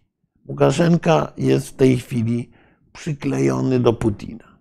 Klęska Rosjan oznacza upadek rządów łukaszenkowskich i oznacza Pani zwrot. Ela Lasota to ładnie opisała, jest umocowana, Białoruś jest umocowana kajdankami do trupa. No, jeszcze nie do trupa, no ale. No, właśnie. Natomiast oczywiście, oczywiście mm, Białoruś w razie zwycięstwa Ukrainy też otrzyma swoją szansę na, tak. na, na, na, na zbudowanie własnej, własnej niepodległości. Więc problem jest jeden. Problem jest taki, że e, białoruskie środowisko demokratyczne jest bardzo źle postrzegane na Ukrainie. Proszę zwrócić uwagę, że jedynym przywódcą europejskim, z którym nigdy nie spotkała się Swietłana Tichanowska, no właśnie, jest prezydent Ukrainy. Ukraińcy cały czas trzymają wobec Białorusinów dystans, uważając, że po pierwsze Białoruś e, jest nadmiernie prorosyjska, a jaka miała być? No, prawda jest taka, że ta opozycja białoruska rzeczywiście liczyła na przynajmniej życzliwą neutralność Rosji. bo bez tego e, Tak. Rosja jest e, legitym, legitymacją e, Rosja jest legitymacją e, podstawową władzy łukaszenkowskiej.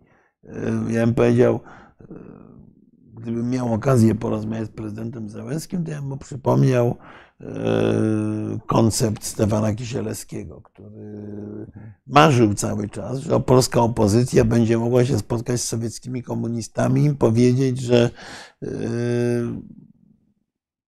po co wam stawianie na tych durnych komuchów, my e, będziemy lepszym No, w, w pewnym sensie to się stało, tak?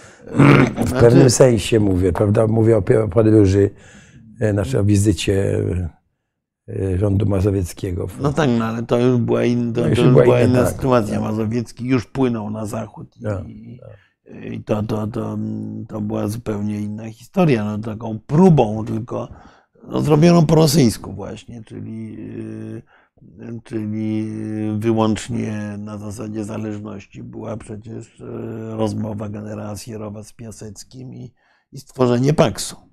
To była taka, tak, takie szukanie przez Rosjan dialogu z innymi środowiskami niż komuniści, ale, ale takie pomysły były w całych demoludach tak naprawdę, no bo, bo, bo wydawało się, że ta dominacja sowiecka jest tak duża, że, że bez błogosławieństwa z Moskwy nie wyrzuci się własnych komunistów. Myślę, że bardzo podobnie myślała Ciechanowska w pewnym momencie, tuż po wyborach, aczkolwiek nie, nie myśli już tak teraz. Natomiast Ukraińcy to Białorusinom pa- pamiętają i ten spór białorusko-ukraiński jest nie, niesłychanie genero- generowany po stronie ukraińskiej.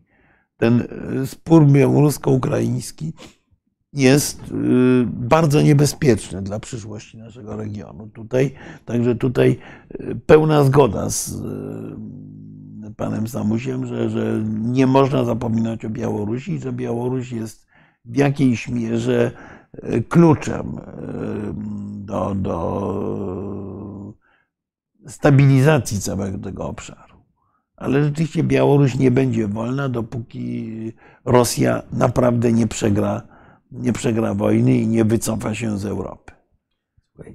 Tam był jeden taki komentarz, e, który chciałbym, żeby. Ja z wielkim zainteresowaniem w ogóle czy, czytam. Tak, ja też, ale zjednoczenie Niemiec zdestabilizowało Europę. Tam był taki komentarz e, puszczony przez kogoś. Więc e, przypomnijmy właściwie o co chodzi.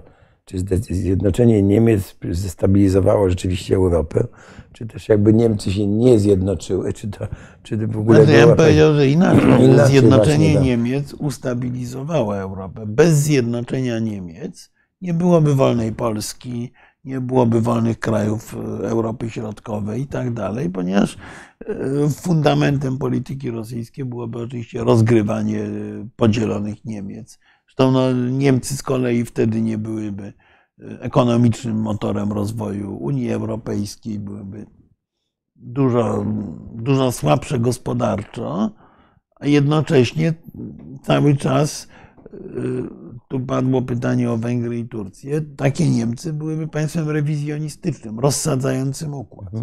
Bo cały czas by dążyły do zjednoczenia w oczywisty sposób. Tak jak Węgrzy są państwem rozsadzającym układ i rewizjonistycznym, ponieważ uważają, że Węgry zostały odarte z części historycznych ziem węgierskich, te ziemie powinny do Węgier wrócić. No takie niestety jest y, myślenie węgierskie, natomiast pan Jacek tutaj y, mówi, że Węgrzy Tak, blokują, się- już nie blokują. Już nie Węgrzy. blokują, właśnie. Jest wiadomość a Turcy też nie będą Wczoraj czy blokować. dzisiaj, że rząd, że rząd y, węgierski przesłał do parlamentu no, y, tak, decyzję, że- decyzję o ratyfikacji. y, To jest kolejnym dowodem, że jak wuj sam uderzy ręką, w, pięścią w stół, to, to, to na razie jeszcze Mhm. wciąż y, kraje europejskie grzecznie to wykonują. Jest pytanie, czy będzie uderzał tą pięścią w stół wystarczająco skutecznie w innych kwestiach. Tutaj nacisk amerykański wcześniej na Erdogana, a potem na Węgrów był oczywisty. W tej chwili trzeba jeszcze wymusić ratyfikację na Turkach, Mhm. y, prawdopodobnie dając im jakiś prezent, niestety, jakieś kilka głów y, kurdyjskich, no bo to tak, tak cynicznie wygląda polityka po prostu. podział Niemiec można było osiągnąć w XIX wieku. Ja rozumiem, że Znaczy, no, w XIX wieku to te Niemcy były podzielone właśnie. podzielone, tak. tak. Niestety nikt ich nie No, zapobiegł. e, tak, tylko e, no, tu trzeba mieć pretensje do Francuzów, którzy przegrali wojnę z, Osiem- z Markiem. Tak, z Bismarckiem przegrali. Więc- No właśnie, ale e, słuchaj, wr- wróćmy jeszcze do tej polskiej polityki zagranicznej, bo e, żeśmy wspomnieli ty, tylko o tej rozmowie prezydenta naszego Du- Dudy z Prezydentem Iranu. z prezydentem Iranu, tak, ale e, no jest, jest inicjatywa tej budowy wspólnej prawda, obrony przeciwlotniczej. Polska tam nie uczestniczy. Tak, Co- no, co się dzieje? To To jest- znaczy, To jest chyba jakiś ślepy zaułek, nie? Nie, no to jest, to jest w mojej ocenie e, błąd polityki obecnie rządzącej polską partii, która e, ma, ma nadzieję, że Polska stanie się tym głównym, najważniejszym sojusznikiem e, Stanów Zjednoczonych.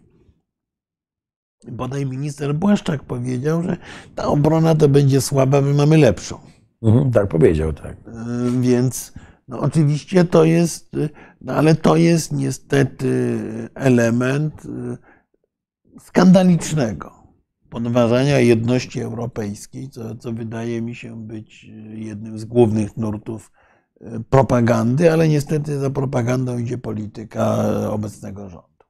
Bo te y, nieprawdopodobne w ogóle opowieści pana Kaczyńskiego o, o tych strasznych Niemcach i o tym, co on okropnego zobaczył w Wiedniu, y, znaczy nie powiedział co okropnego, ale było to okropne, stwierdzenie, że już wtedy poczuł, że nie jesteśmy jednością cywilizacyjną, no to jeżeli nie z Zachodem jesteśmy jednością cywilizacyjną, to z kim? No, ale Bo może, ja w tym samym roku może by być taką wsobną cywilizacją, wiesz? nie, no nie można być wsobną. Jest, nie, Polska jest za No, mała na takim- bycie wsobną cywilizacją. No. Wsobną cywilizacją z trudem mogą być Rosjanie, wsobną cywilizacją mogą być Chińczycy czy Hindusi. Yy, Ale- To wsobna cywilizacja polska Ale- to, jest taki, jak, to jest jakaś aberracja. No ale dobrze, tylko to ma, to ma określone konsekwencje. No, przy- Przywódca państwa mówi, że dla niego Zachód nie jest punktem odniesienia w dziedzinie cywilizacyjnej. To jeżeli nie Zachód, to kto jest tym punktem odniesienia? No, chwila.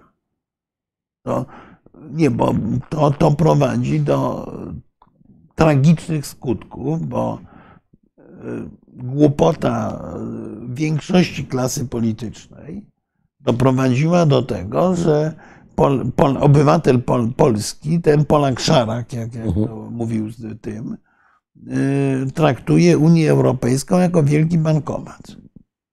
Ten bankomat się właśnie zepsuł i nie chce wypłacać pieniędzy.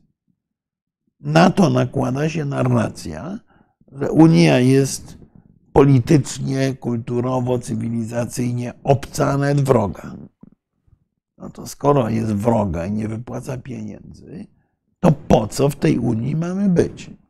To za chwilę y, partia rządząca powie, że w odpowiedzi na oczekiwania obywateli przegłosujemy wyjście Polski z Unii. A w odróżnieniu od Wielkiej Brytanii, decyzja o wyjściu Polski z Unii może być podjęta i w ciągu jednego dnia przez Sejm Rzeczpospolitej. Większość sejmowa może taką decyzję podjąć. Takie mamy prawo.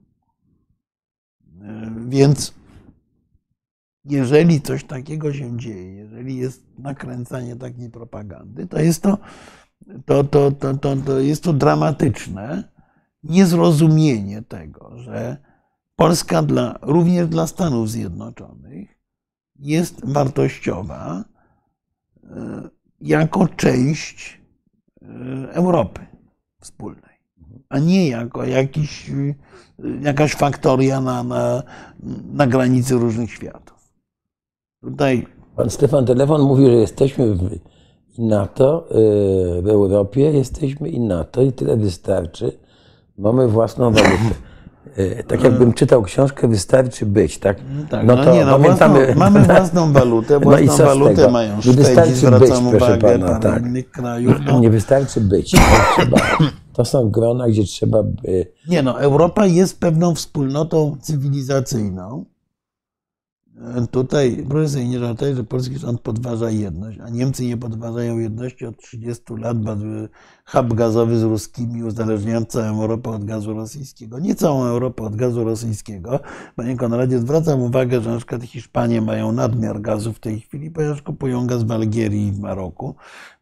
Francuzi zasadniczo gazu rosyjskiego nie potrzebują, bo mają atom i i mają też dostawy gazu z zagranicy.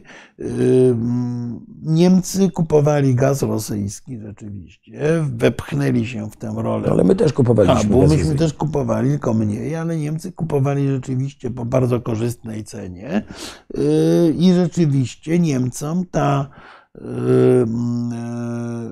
uzależnienie.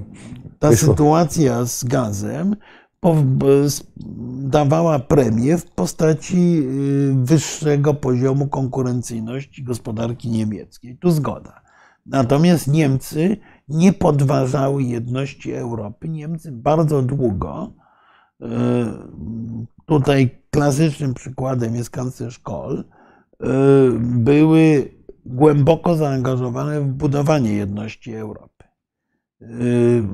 wypadku Polski mamy dokładnie taką narrację, jak była narracja brexitowa w Wielkiej Brytanii.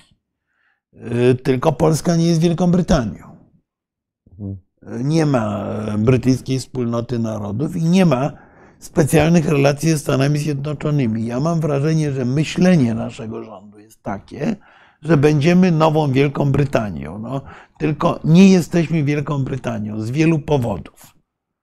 Językowych, kulturowych, chyba lepiej, żebyśmy terytorialnych. Chyba lepiej, żebyśmy nie byli, sądząc po tym sytuacji gospodarczej. No dlaczego nie? No, oglądałem świetny, świetny rysunek mm, dzisiaj y, z, y, gość w informacji turystycznej Y, odpowiada. No, zmiana warty gwardzistów rano, a wymiany premierów zazwyczaj po południu. Y, bo przecież w jakiejś mierze upadek koncepcji Liz Truss ekonomicznej jest związany z tym, że Wielka Brytania dźwiga ciężar Brexitu.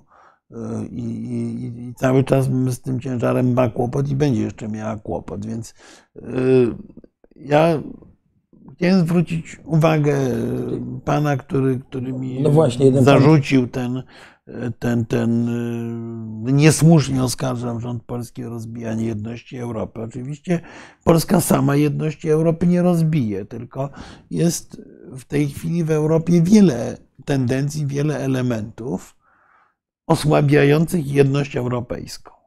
Ale proszę Państwa, powtórzę się, jedność europejska, jeżeli zostanie zachwiana, ona nie jest dana raz na zawsze, to będziemy mieli sytuację, w której pierwszą rzeczą, z jaką się Polska zderzy, to będzie bliski związek rosyjsko-niemiecki, czyli no powiedzmy Sikorskim, powiedzmy Sikorskim pakt Ribbentrop-Mołotow. Oczywiście no. niekoniecznie on musi tak wyglądać, ale w naturalny sposób, jeżeli Niemcy nie będą miały zakorzenienia w Europie, jeżeli Europa się posypie, no to dla Niemców partnerem są Rosjanie w oczywisty sposób. Chcemy tego, to uważamy, że to jest dobre, dlatego rozwalamy Unię Europejską.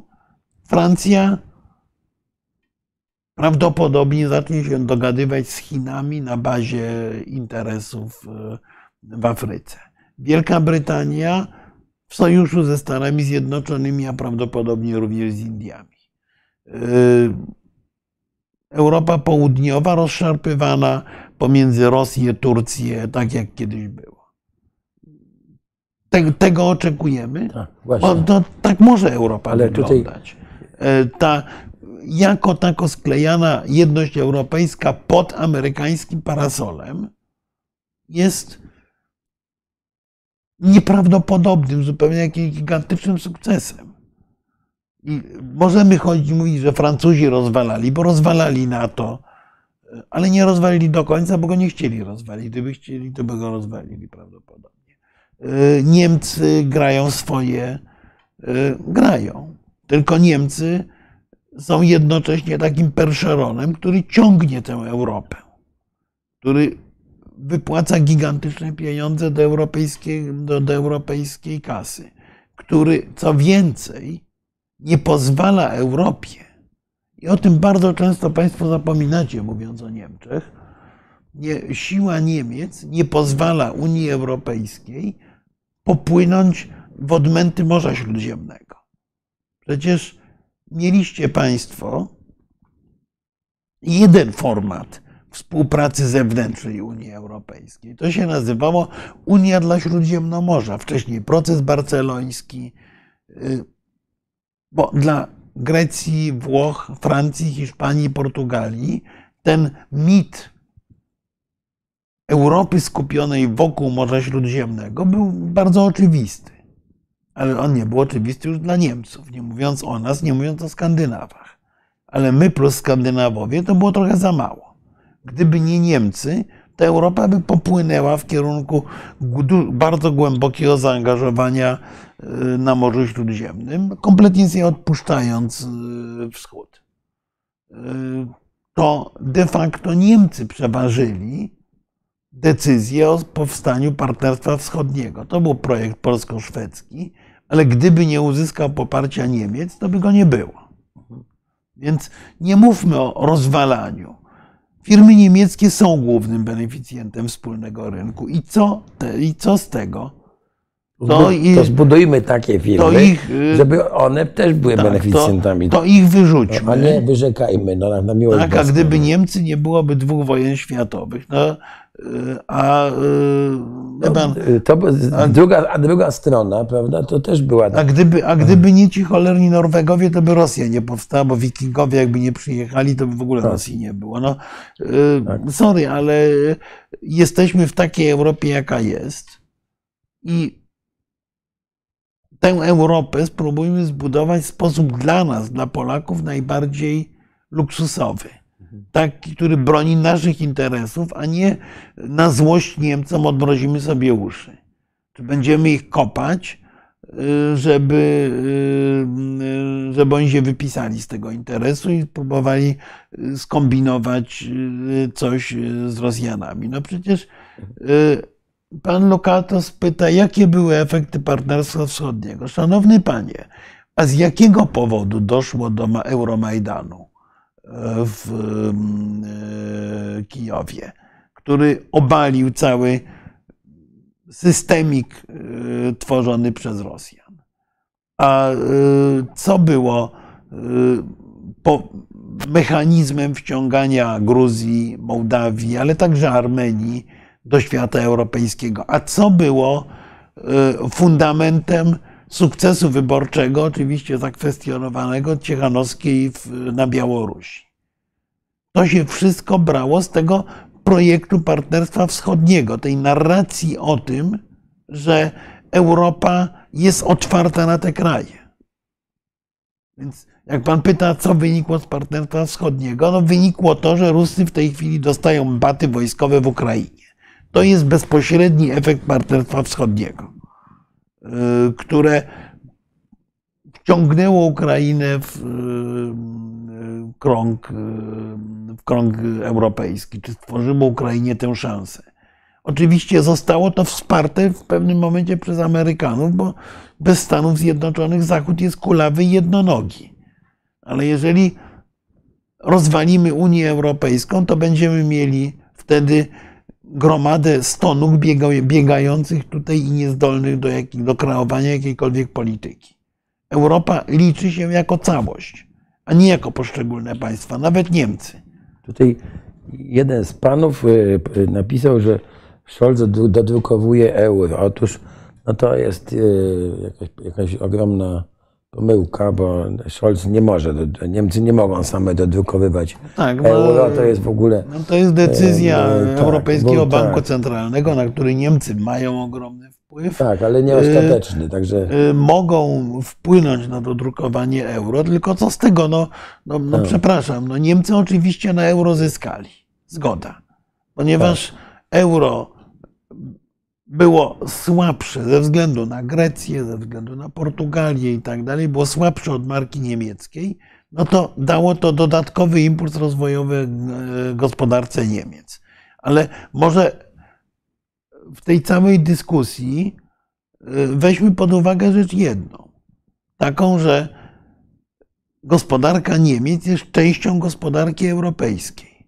Że dla Polski rozwój gospodarki niemieckiej oznacza, oznacza miejsca pracy, pieniądze, eksport, bo gospodarka polska jest de facto podwiązana pod niemiecką. Ja dzisiaj spojrzałem, jaka jest wymiana polska, na przykład krzyczymy wielkim głosem z Kazachstanem. To jest perspektywiczny partner gospodarczy. Otóż wymiana gospodarcza z Kazachstanem e, Polski jest rocznie równoważna dwudniowej wymianie gospodarczej polsko-niemieckiej. 40 parę procent naszego handlu to są Niemcy i istotna część naszej gospodarki jest nakierowana na rynek niemiecki. Więc jak mówimy, że Niemcy zyskują, to jak Niemcy zyskują, to my też zyskujemy. A jeżeli chcemy zyskiwać więcej, a to musimy mieć ofertę. A z tym bywa różnie, bo y, premier Morawiecki krzyczał wielkim głosem, że y, tu wychodzimy z pułapki średniego rozwoju, a jedno z niewielu, y, jedną z niewielu poważnych inwestycji, jaką się udało tak naprawdę zrealizować, to była fabryka części Mercedesa na Dolnym Śląsku. Tak, prawda? No, przepraszam, ale, ale o, o, o czym my mówimy? Dlaczego jesteśmy nastawieni na to, że Niemcy są źli? Niemcy są potężną częścią Europy, która ma wiele interesów sprzecznych z Polską, ale jakbyśmy tak zmapowali Unię Europejską, to wiele krajów ma sprzeczne na, na mój, na mój nos Niemcy gdzieś zmieszczą się w pierwszej szóstce, siódemce krajów, jeżeli byśmy patrzyli na zbieżności interesów. Polakami. Oczywiście Bałtowie są, oczywiście są Szwedzi, oczywiście są Czesi, ale na przykład myślę, że interesy polskie i węgierskie są bardziej rozbieżne niż interesy polskie i niemieckie. Czyli możemy tak jak, bo Węgry mają czyli możemy tak jak pan, terytorialne mają. Tak, czyli możemy tak jak pan Stefan powiedzieć, że Niemcy sprowokowali wojnę im się, i trzeba ich kopnąć w, w kostkę. No, no okej. Okay. Tylko Japończycy też sprowokowali wojnę, tak? Okrutniejszą jeszcze. Tutaj ktoś się nazwał germanofilem, słuchaj. A ja mam takie wrażenie, że my po prostu. Yy, nie, ja nie, absolutnie nie jestem germanofilem. Że my po prostu jesteśmy tylko ja po chciałbym, prostu fanami naszego kraju. Nie, no. tylko ja chciałbym, żebyśmy przestali obracać się w kręgu durnych mitów. Tak.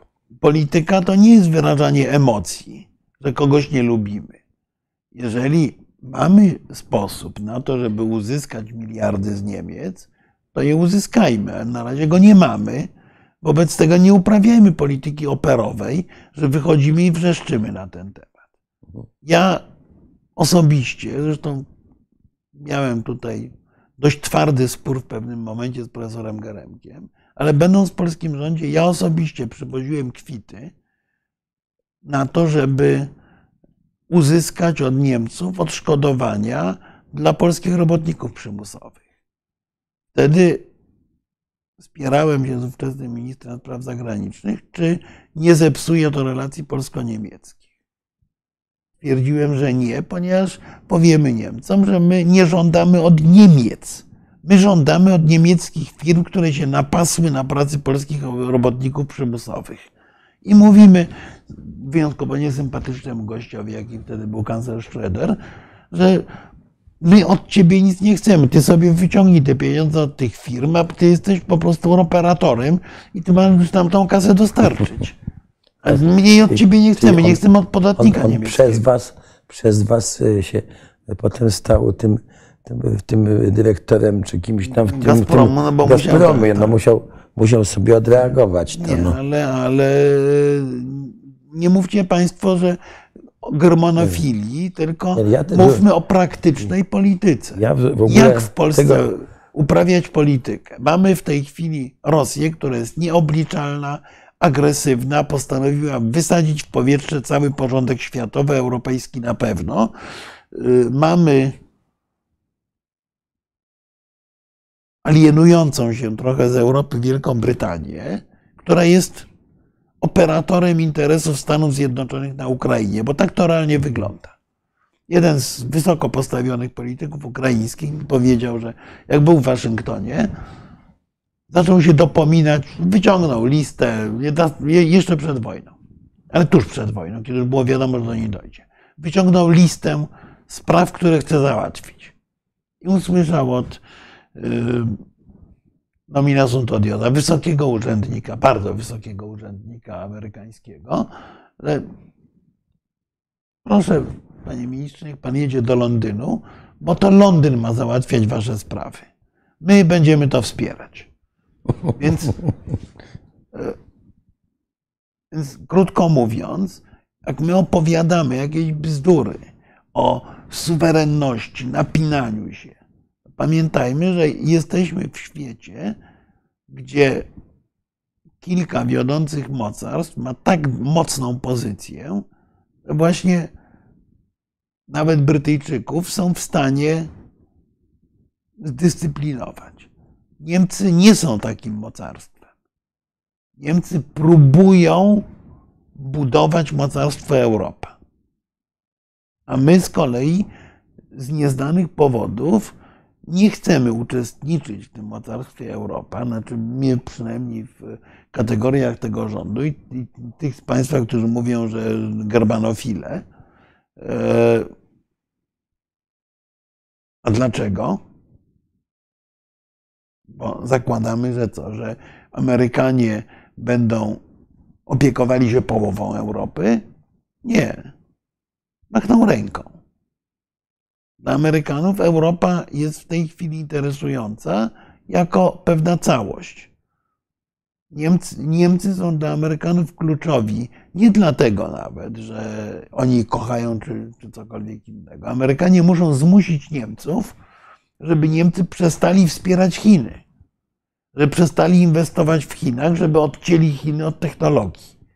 Bo to jest interes amerykański numer jeden. Jeżeli ktoś ma wątpliwości, to zapewniam, że za yy, rywalizację z Chinami Amerykanie oddadzą wszystkie inne elementy. Słuchaj, mamy. A gdyby Niemcy, pan Stefan powiada, powiada znowu, gdyby Niemcy, bo te, te dyskusje o Niemczech zwykle zaczynają być bardzo emocjonalne. Gdyby Niemcy były normalne, to, to byłby znaczy normalny normalne? do nich stosunek. Co znaczy, że Niemcy były normalne? Czy Niemcy, Niemcy są zarządzane przez Hitlera? Czy Niemcy są agresywne? Wobec otoczenia, czy Niemcy po prostu próbują budować swoją siłę i dobrobyt, jak każde normalne państwo, my też. No, co jest nienormalnością u Niemców? Niech pan, panie Stefanie, powie. To no, znaczy no, nie blokowały nas. Niemcy blokują nas tam, gdzie interesy są sprzeczne. Ale ja nie widzę, raczej uważam, że my sami się blokujemy. No. Ja już nie mówię o tym, że powtarzam, my dla Niemców jesteśmy bardzo ważnym rynkiem bardzo ważnym e, eksporterem. E, przecież handel polsko-niemiecki jest większy niż niemiecko-rosyjski. No, w czym nas blokują? Nas blokują. Proszę pojechać do fabryki Boscha, która jest w Polsce. E, proszę pojechać do fabryk prawie, prawie wszystkich niemieckich, niemieckich dużych koncernów, łącznie z samochodowymi i zobaczyć, czy nas blokują, czy przypadkiem myśmy nie dokonali dzięki ich inwestycjom skoku technologicznego. Tak. Jesteśmy nowoczesnym państwem, z nowoczesnym przemysłem. To są w ogromnej części inwestycje niemieckie, a w jeszcze większej części wynik handlu z Niemcami. Słuchaj, tutaj jeden z panów mówi, że on lubi narzekać, bo żeby ci podnosić ciśnienie. No, być może, ale... ale ożywiasz się niewątpliwie. Zresztą jest to dobrze. Słuchaj, mamy, proszę Państwa, bo już e, mija Nie, mi to w ogóle nie, Panie Luka, to nie, nie, nie podnosi ciśnienia. Ja po prostu bardzo nie lubię. Ja spędziłem sporo lat uprawiając praktyczną politykę. Ja bardzo nie lubię polityki opartej na bajkach i emocjach, bo ona jest zwykle nie, no, potwornie szkodliwa. Ale, ale w realnym życiu, jeżeli ktoś opowiada bajki, to jest... Yy, otorbiony i wykluczony ze środowiska i wtedy już nie może reprezentować swojego kraju, ani tra i traci kraj na znaczeniu. Więc nie, nie można sobie na to w realnym życiu pozwolić, żeby opowiadać bajki i głupoty, Ja nie, jestem, y, ja nie jestem zakochany w Niemczech. Ja po prostu y, mm, doprowadza mnie do białej gorączki właśnie taka opowieść, taka narracja jak Jarosława Kaczyńskiego, że Niemcy są źli, bo są źli i nie, nie lubimy Niemców. Nie, jeżeli mamy sprzeczne interesy, w porządku. Tylko wtedy, kiedy mamy z Niemcami sprzeczny interes i możemy coś na tym ugrać, to prowadzimy politykę tak partacką, że tego nie zrobimy. Przykładem jest kwestia energetyki atomowej.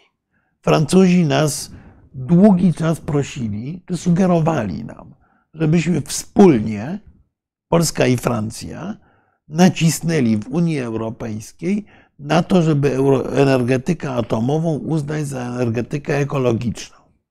To było w Z naszym tym interesie. walczyli, co było absolutnie w naszym Absolutnie. interesie i co z kolei y, y, wkurzało Niemców. Ale Niemcy byliby zepchnięci do narożnika przez dwóch ważnych sąsiadów. Otóż po, Polacy kręcili nosem, ten rząd, nie, bo oni nie lubią Francuzów, bo Francuzi też są źli, przecież No tak, gorsi nawet od No nie, bo Niemców. widelec kradli, no. Y, y, Więc, ale efekt był taki, że Francuzi zmontowali koalicję bez Polaków i załatwili to, co chcieli w sumie. Tak. Ale myśmy byli pierwszymi indagowanymi w tej kwestii. To jest polityka rozsądna. Tam, gdzie mamy rozbieżny interes z Niemcami, to nawet nie potrafimy zagrać wspólnie z Francją, mimo że nam Francuzi wystawiają piłkę. No, no, no sorry. O czym my mówimy? Mówmy o, o tym, żeby Polska grała we własnym interesie. Absolutnie zgoda.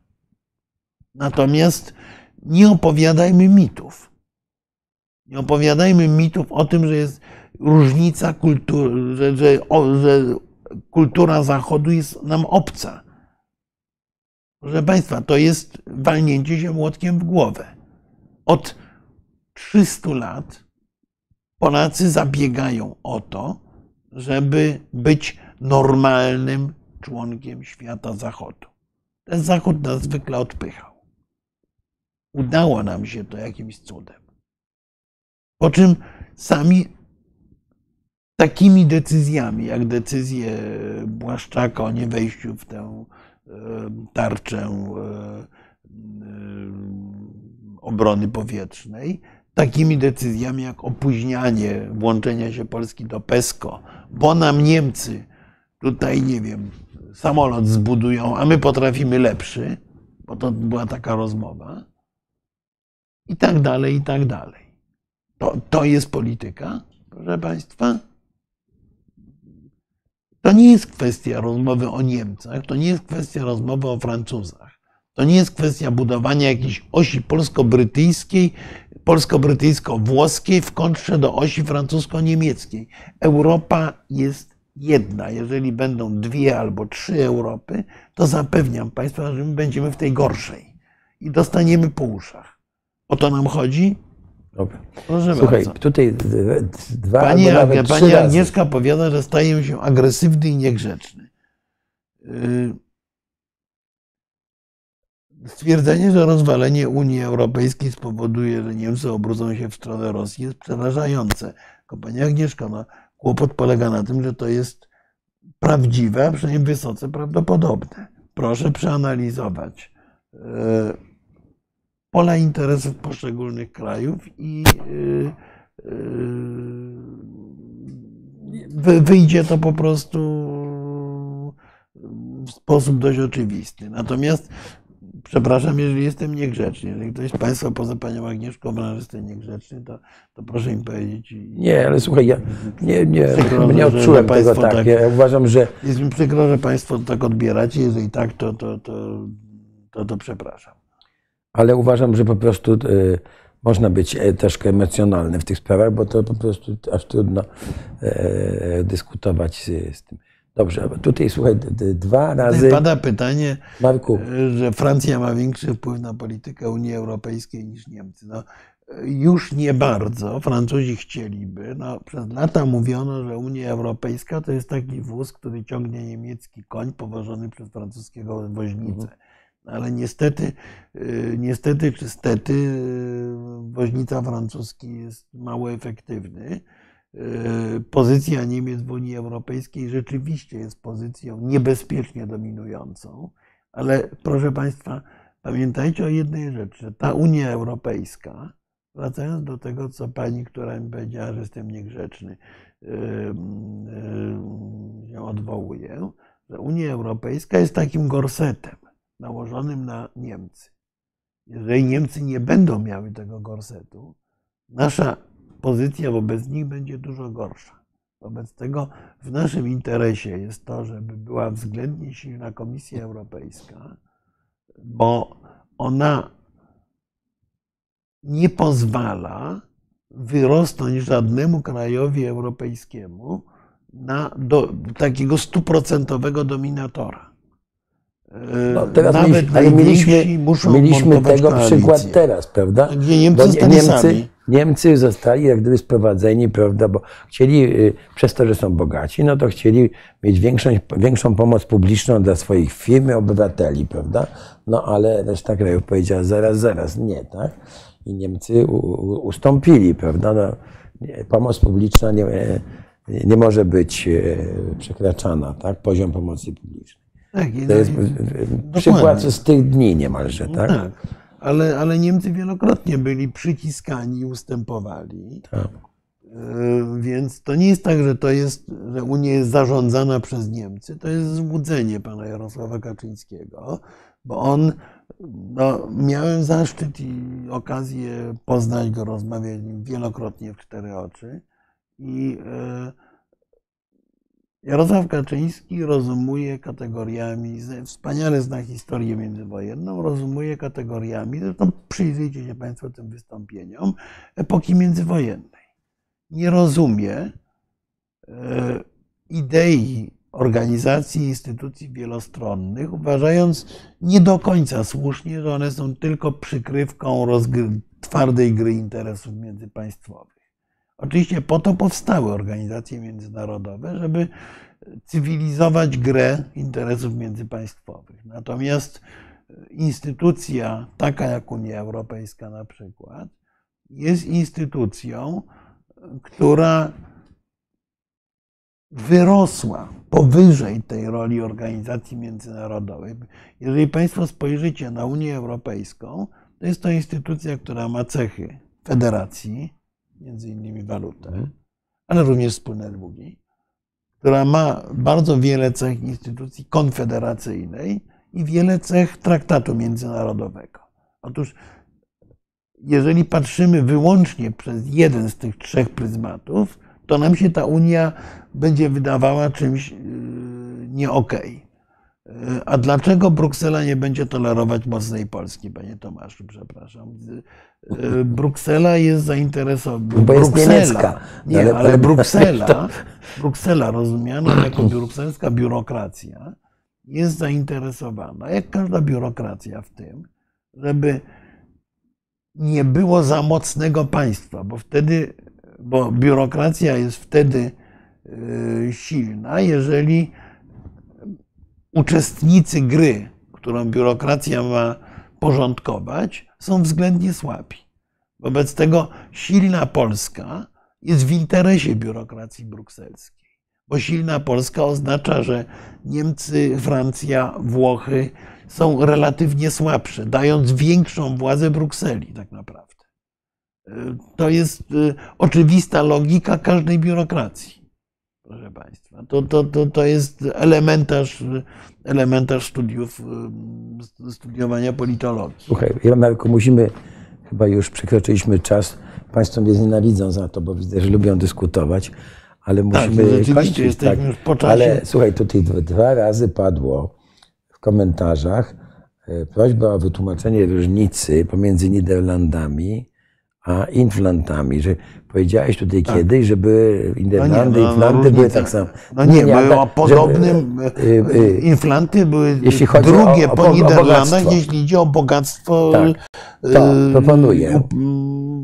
rolę portów i tak dalej. Proponuję, żebyśmy następne spotkanie, jak się nic nie, wy, nie wydarzy nadzwyczajnego, żebyśmy próbowali coś powiedzieć o krajach bałtyckich, bo to jest ciekawy, tak. ciekawy przypadek. Tak. My ich nie, nie doceniamy, tych Bałtów. Oczywiście. prawda? No, Litwę uważamy, że to są tacy Polacy, tylko, tylko trochę gorsi.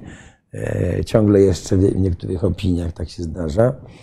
E, I No, Kurlandia miała flotę dużo silniejszą od floty polskiej. Polska nie Tak. miała floty, bo właśnie to, to, co zarzucacie Państwo teraz Niemcom na przykład. Otóż w złotym wieku polskim, XVI, e, Polska była krajem głęboko uzależnionym od rzeczonych Niderlandów, a dokładniej od całego e, konglomeratu banków amsterdamskich. Mhm. I nie pozwalano Polsce na przykład zbudować floty, bo konkurencja. e, eksport drewna i zboża z Polski, który był dla Europy absolutnie kluczowy wtedy, miał być obsługiwany przez flotę holenderską. Jak Polska zbudowała tą mikroflotę, która wygrała bitwę pod Oliwą, to Zygmunt y, Waza został zmuszony do tego, żeby tę flotę czym prędzej przekazać Hiszpanom. Nie żadnym Szwedom, komuś innemu, nie, Hiszpanom, Y, żeby, żeby nie tworzyć konkurencji. Szczerze Ale- mówiąc, czegoś takiego w wykonaniu Brukseli jakoś teraz nie widzę. Jeżeli Dobrze, ale- Państwo widzą, ale to, to okej. To już w następnym, następnym spotkaniu, dobrze? Także bardzo Ci dziękuję. ja dziękuję Ja bardzo serdecznie Państwa również. przepraszam za stan mojego zdrowia. E, Tak, bo co czwarty chciał budować budować flotę, ale mu nie tak, pozwolili. ale tak. No i proszę Państwa, dziękuję Państwu za udział jak zawsze, zawsze i, i bycie z nami. E, I no, no co, za tydzień następne spotkanie, Tak jest. tak? I mam nadzieję, już nie będzie tak gorącej dyskusji o Niemczech. No Za, bo- o Niemczech zawsze jest gorąca dyskusja, co, Nie, co ale- mnie szczerze mówiąc dziwi, bo mamy w paru miejscach większe interesy. Z Niemcami mamy ustabilizowane yy, i. Prawda? Jak nigdy w zasadzie. Tak, Znaczy więc nie jak nigdy. No, myśmy mieli z Niemcami. Bardzo dobre relacje. Yy, Jeśli zależy z, Niemcy z nie jakimi pozwolą- Niemcami. Tak, nie pozwolą Polsce osiągnąć poziomu ich dobrobytu. A dlaczego? E, e, jak, znaczy- jak to zrobią? Znaczy, nawet jeżeli nie będą chcieli pozwolić, to jest naszym interesem, żeby to osiągnąć. Znaczy, przypominam, Jedyne, przypominam e, panu Christo, bo tu napisane jest cyrylicą skądinąd Tak. imię. M, Przypominam panu, że tak samo mówiono o Anglikach i Irlandczykach. tak, Otóż Irlandia jest w tej chwili zamożniejsza od Wielkiej Brytanii. Czy Brytyjom, Brytole to chcieli na to pozwolić, czy nie, to się y, jakoś y, nie udało. Więc y, róbmy swoje i, i, Tak. i wtedy nie będzie pytania, czy nam pozwolą, czy nie. Niemcy nam nic nie mogą pozwolić. Sami sobie musimy pozwolić albo nie. To, to naprawdę wszystko jest w naszych Dokładnie. rękach, jak nigdy. Jak Dokładnie. nigdy Ja, dotąd. ja, ja wierzę w to, że spełni się sen premiera Morawieckiego. Mówię to serio w tej chwili, że Niemcy będą przyjeżdżali do Polski zbierać szparagi. Y, Ale, ale żeby tak się stało, to musimy się naprawdę solidnie urobić. No tak, nie wiem, i tak dalej, i tak dalej. Dobra, dziękujemy Państwu bardzo. Do zobaczenia, proszę Państwa, za tydzień. Do Dziękujemy. zobaczenia. Dziękujemy.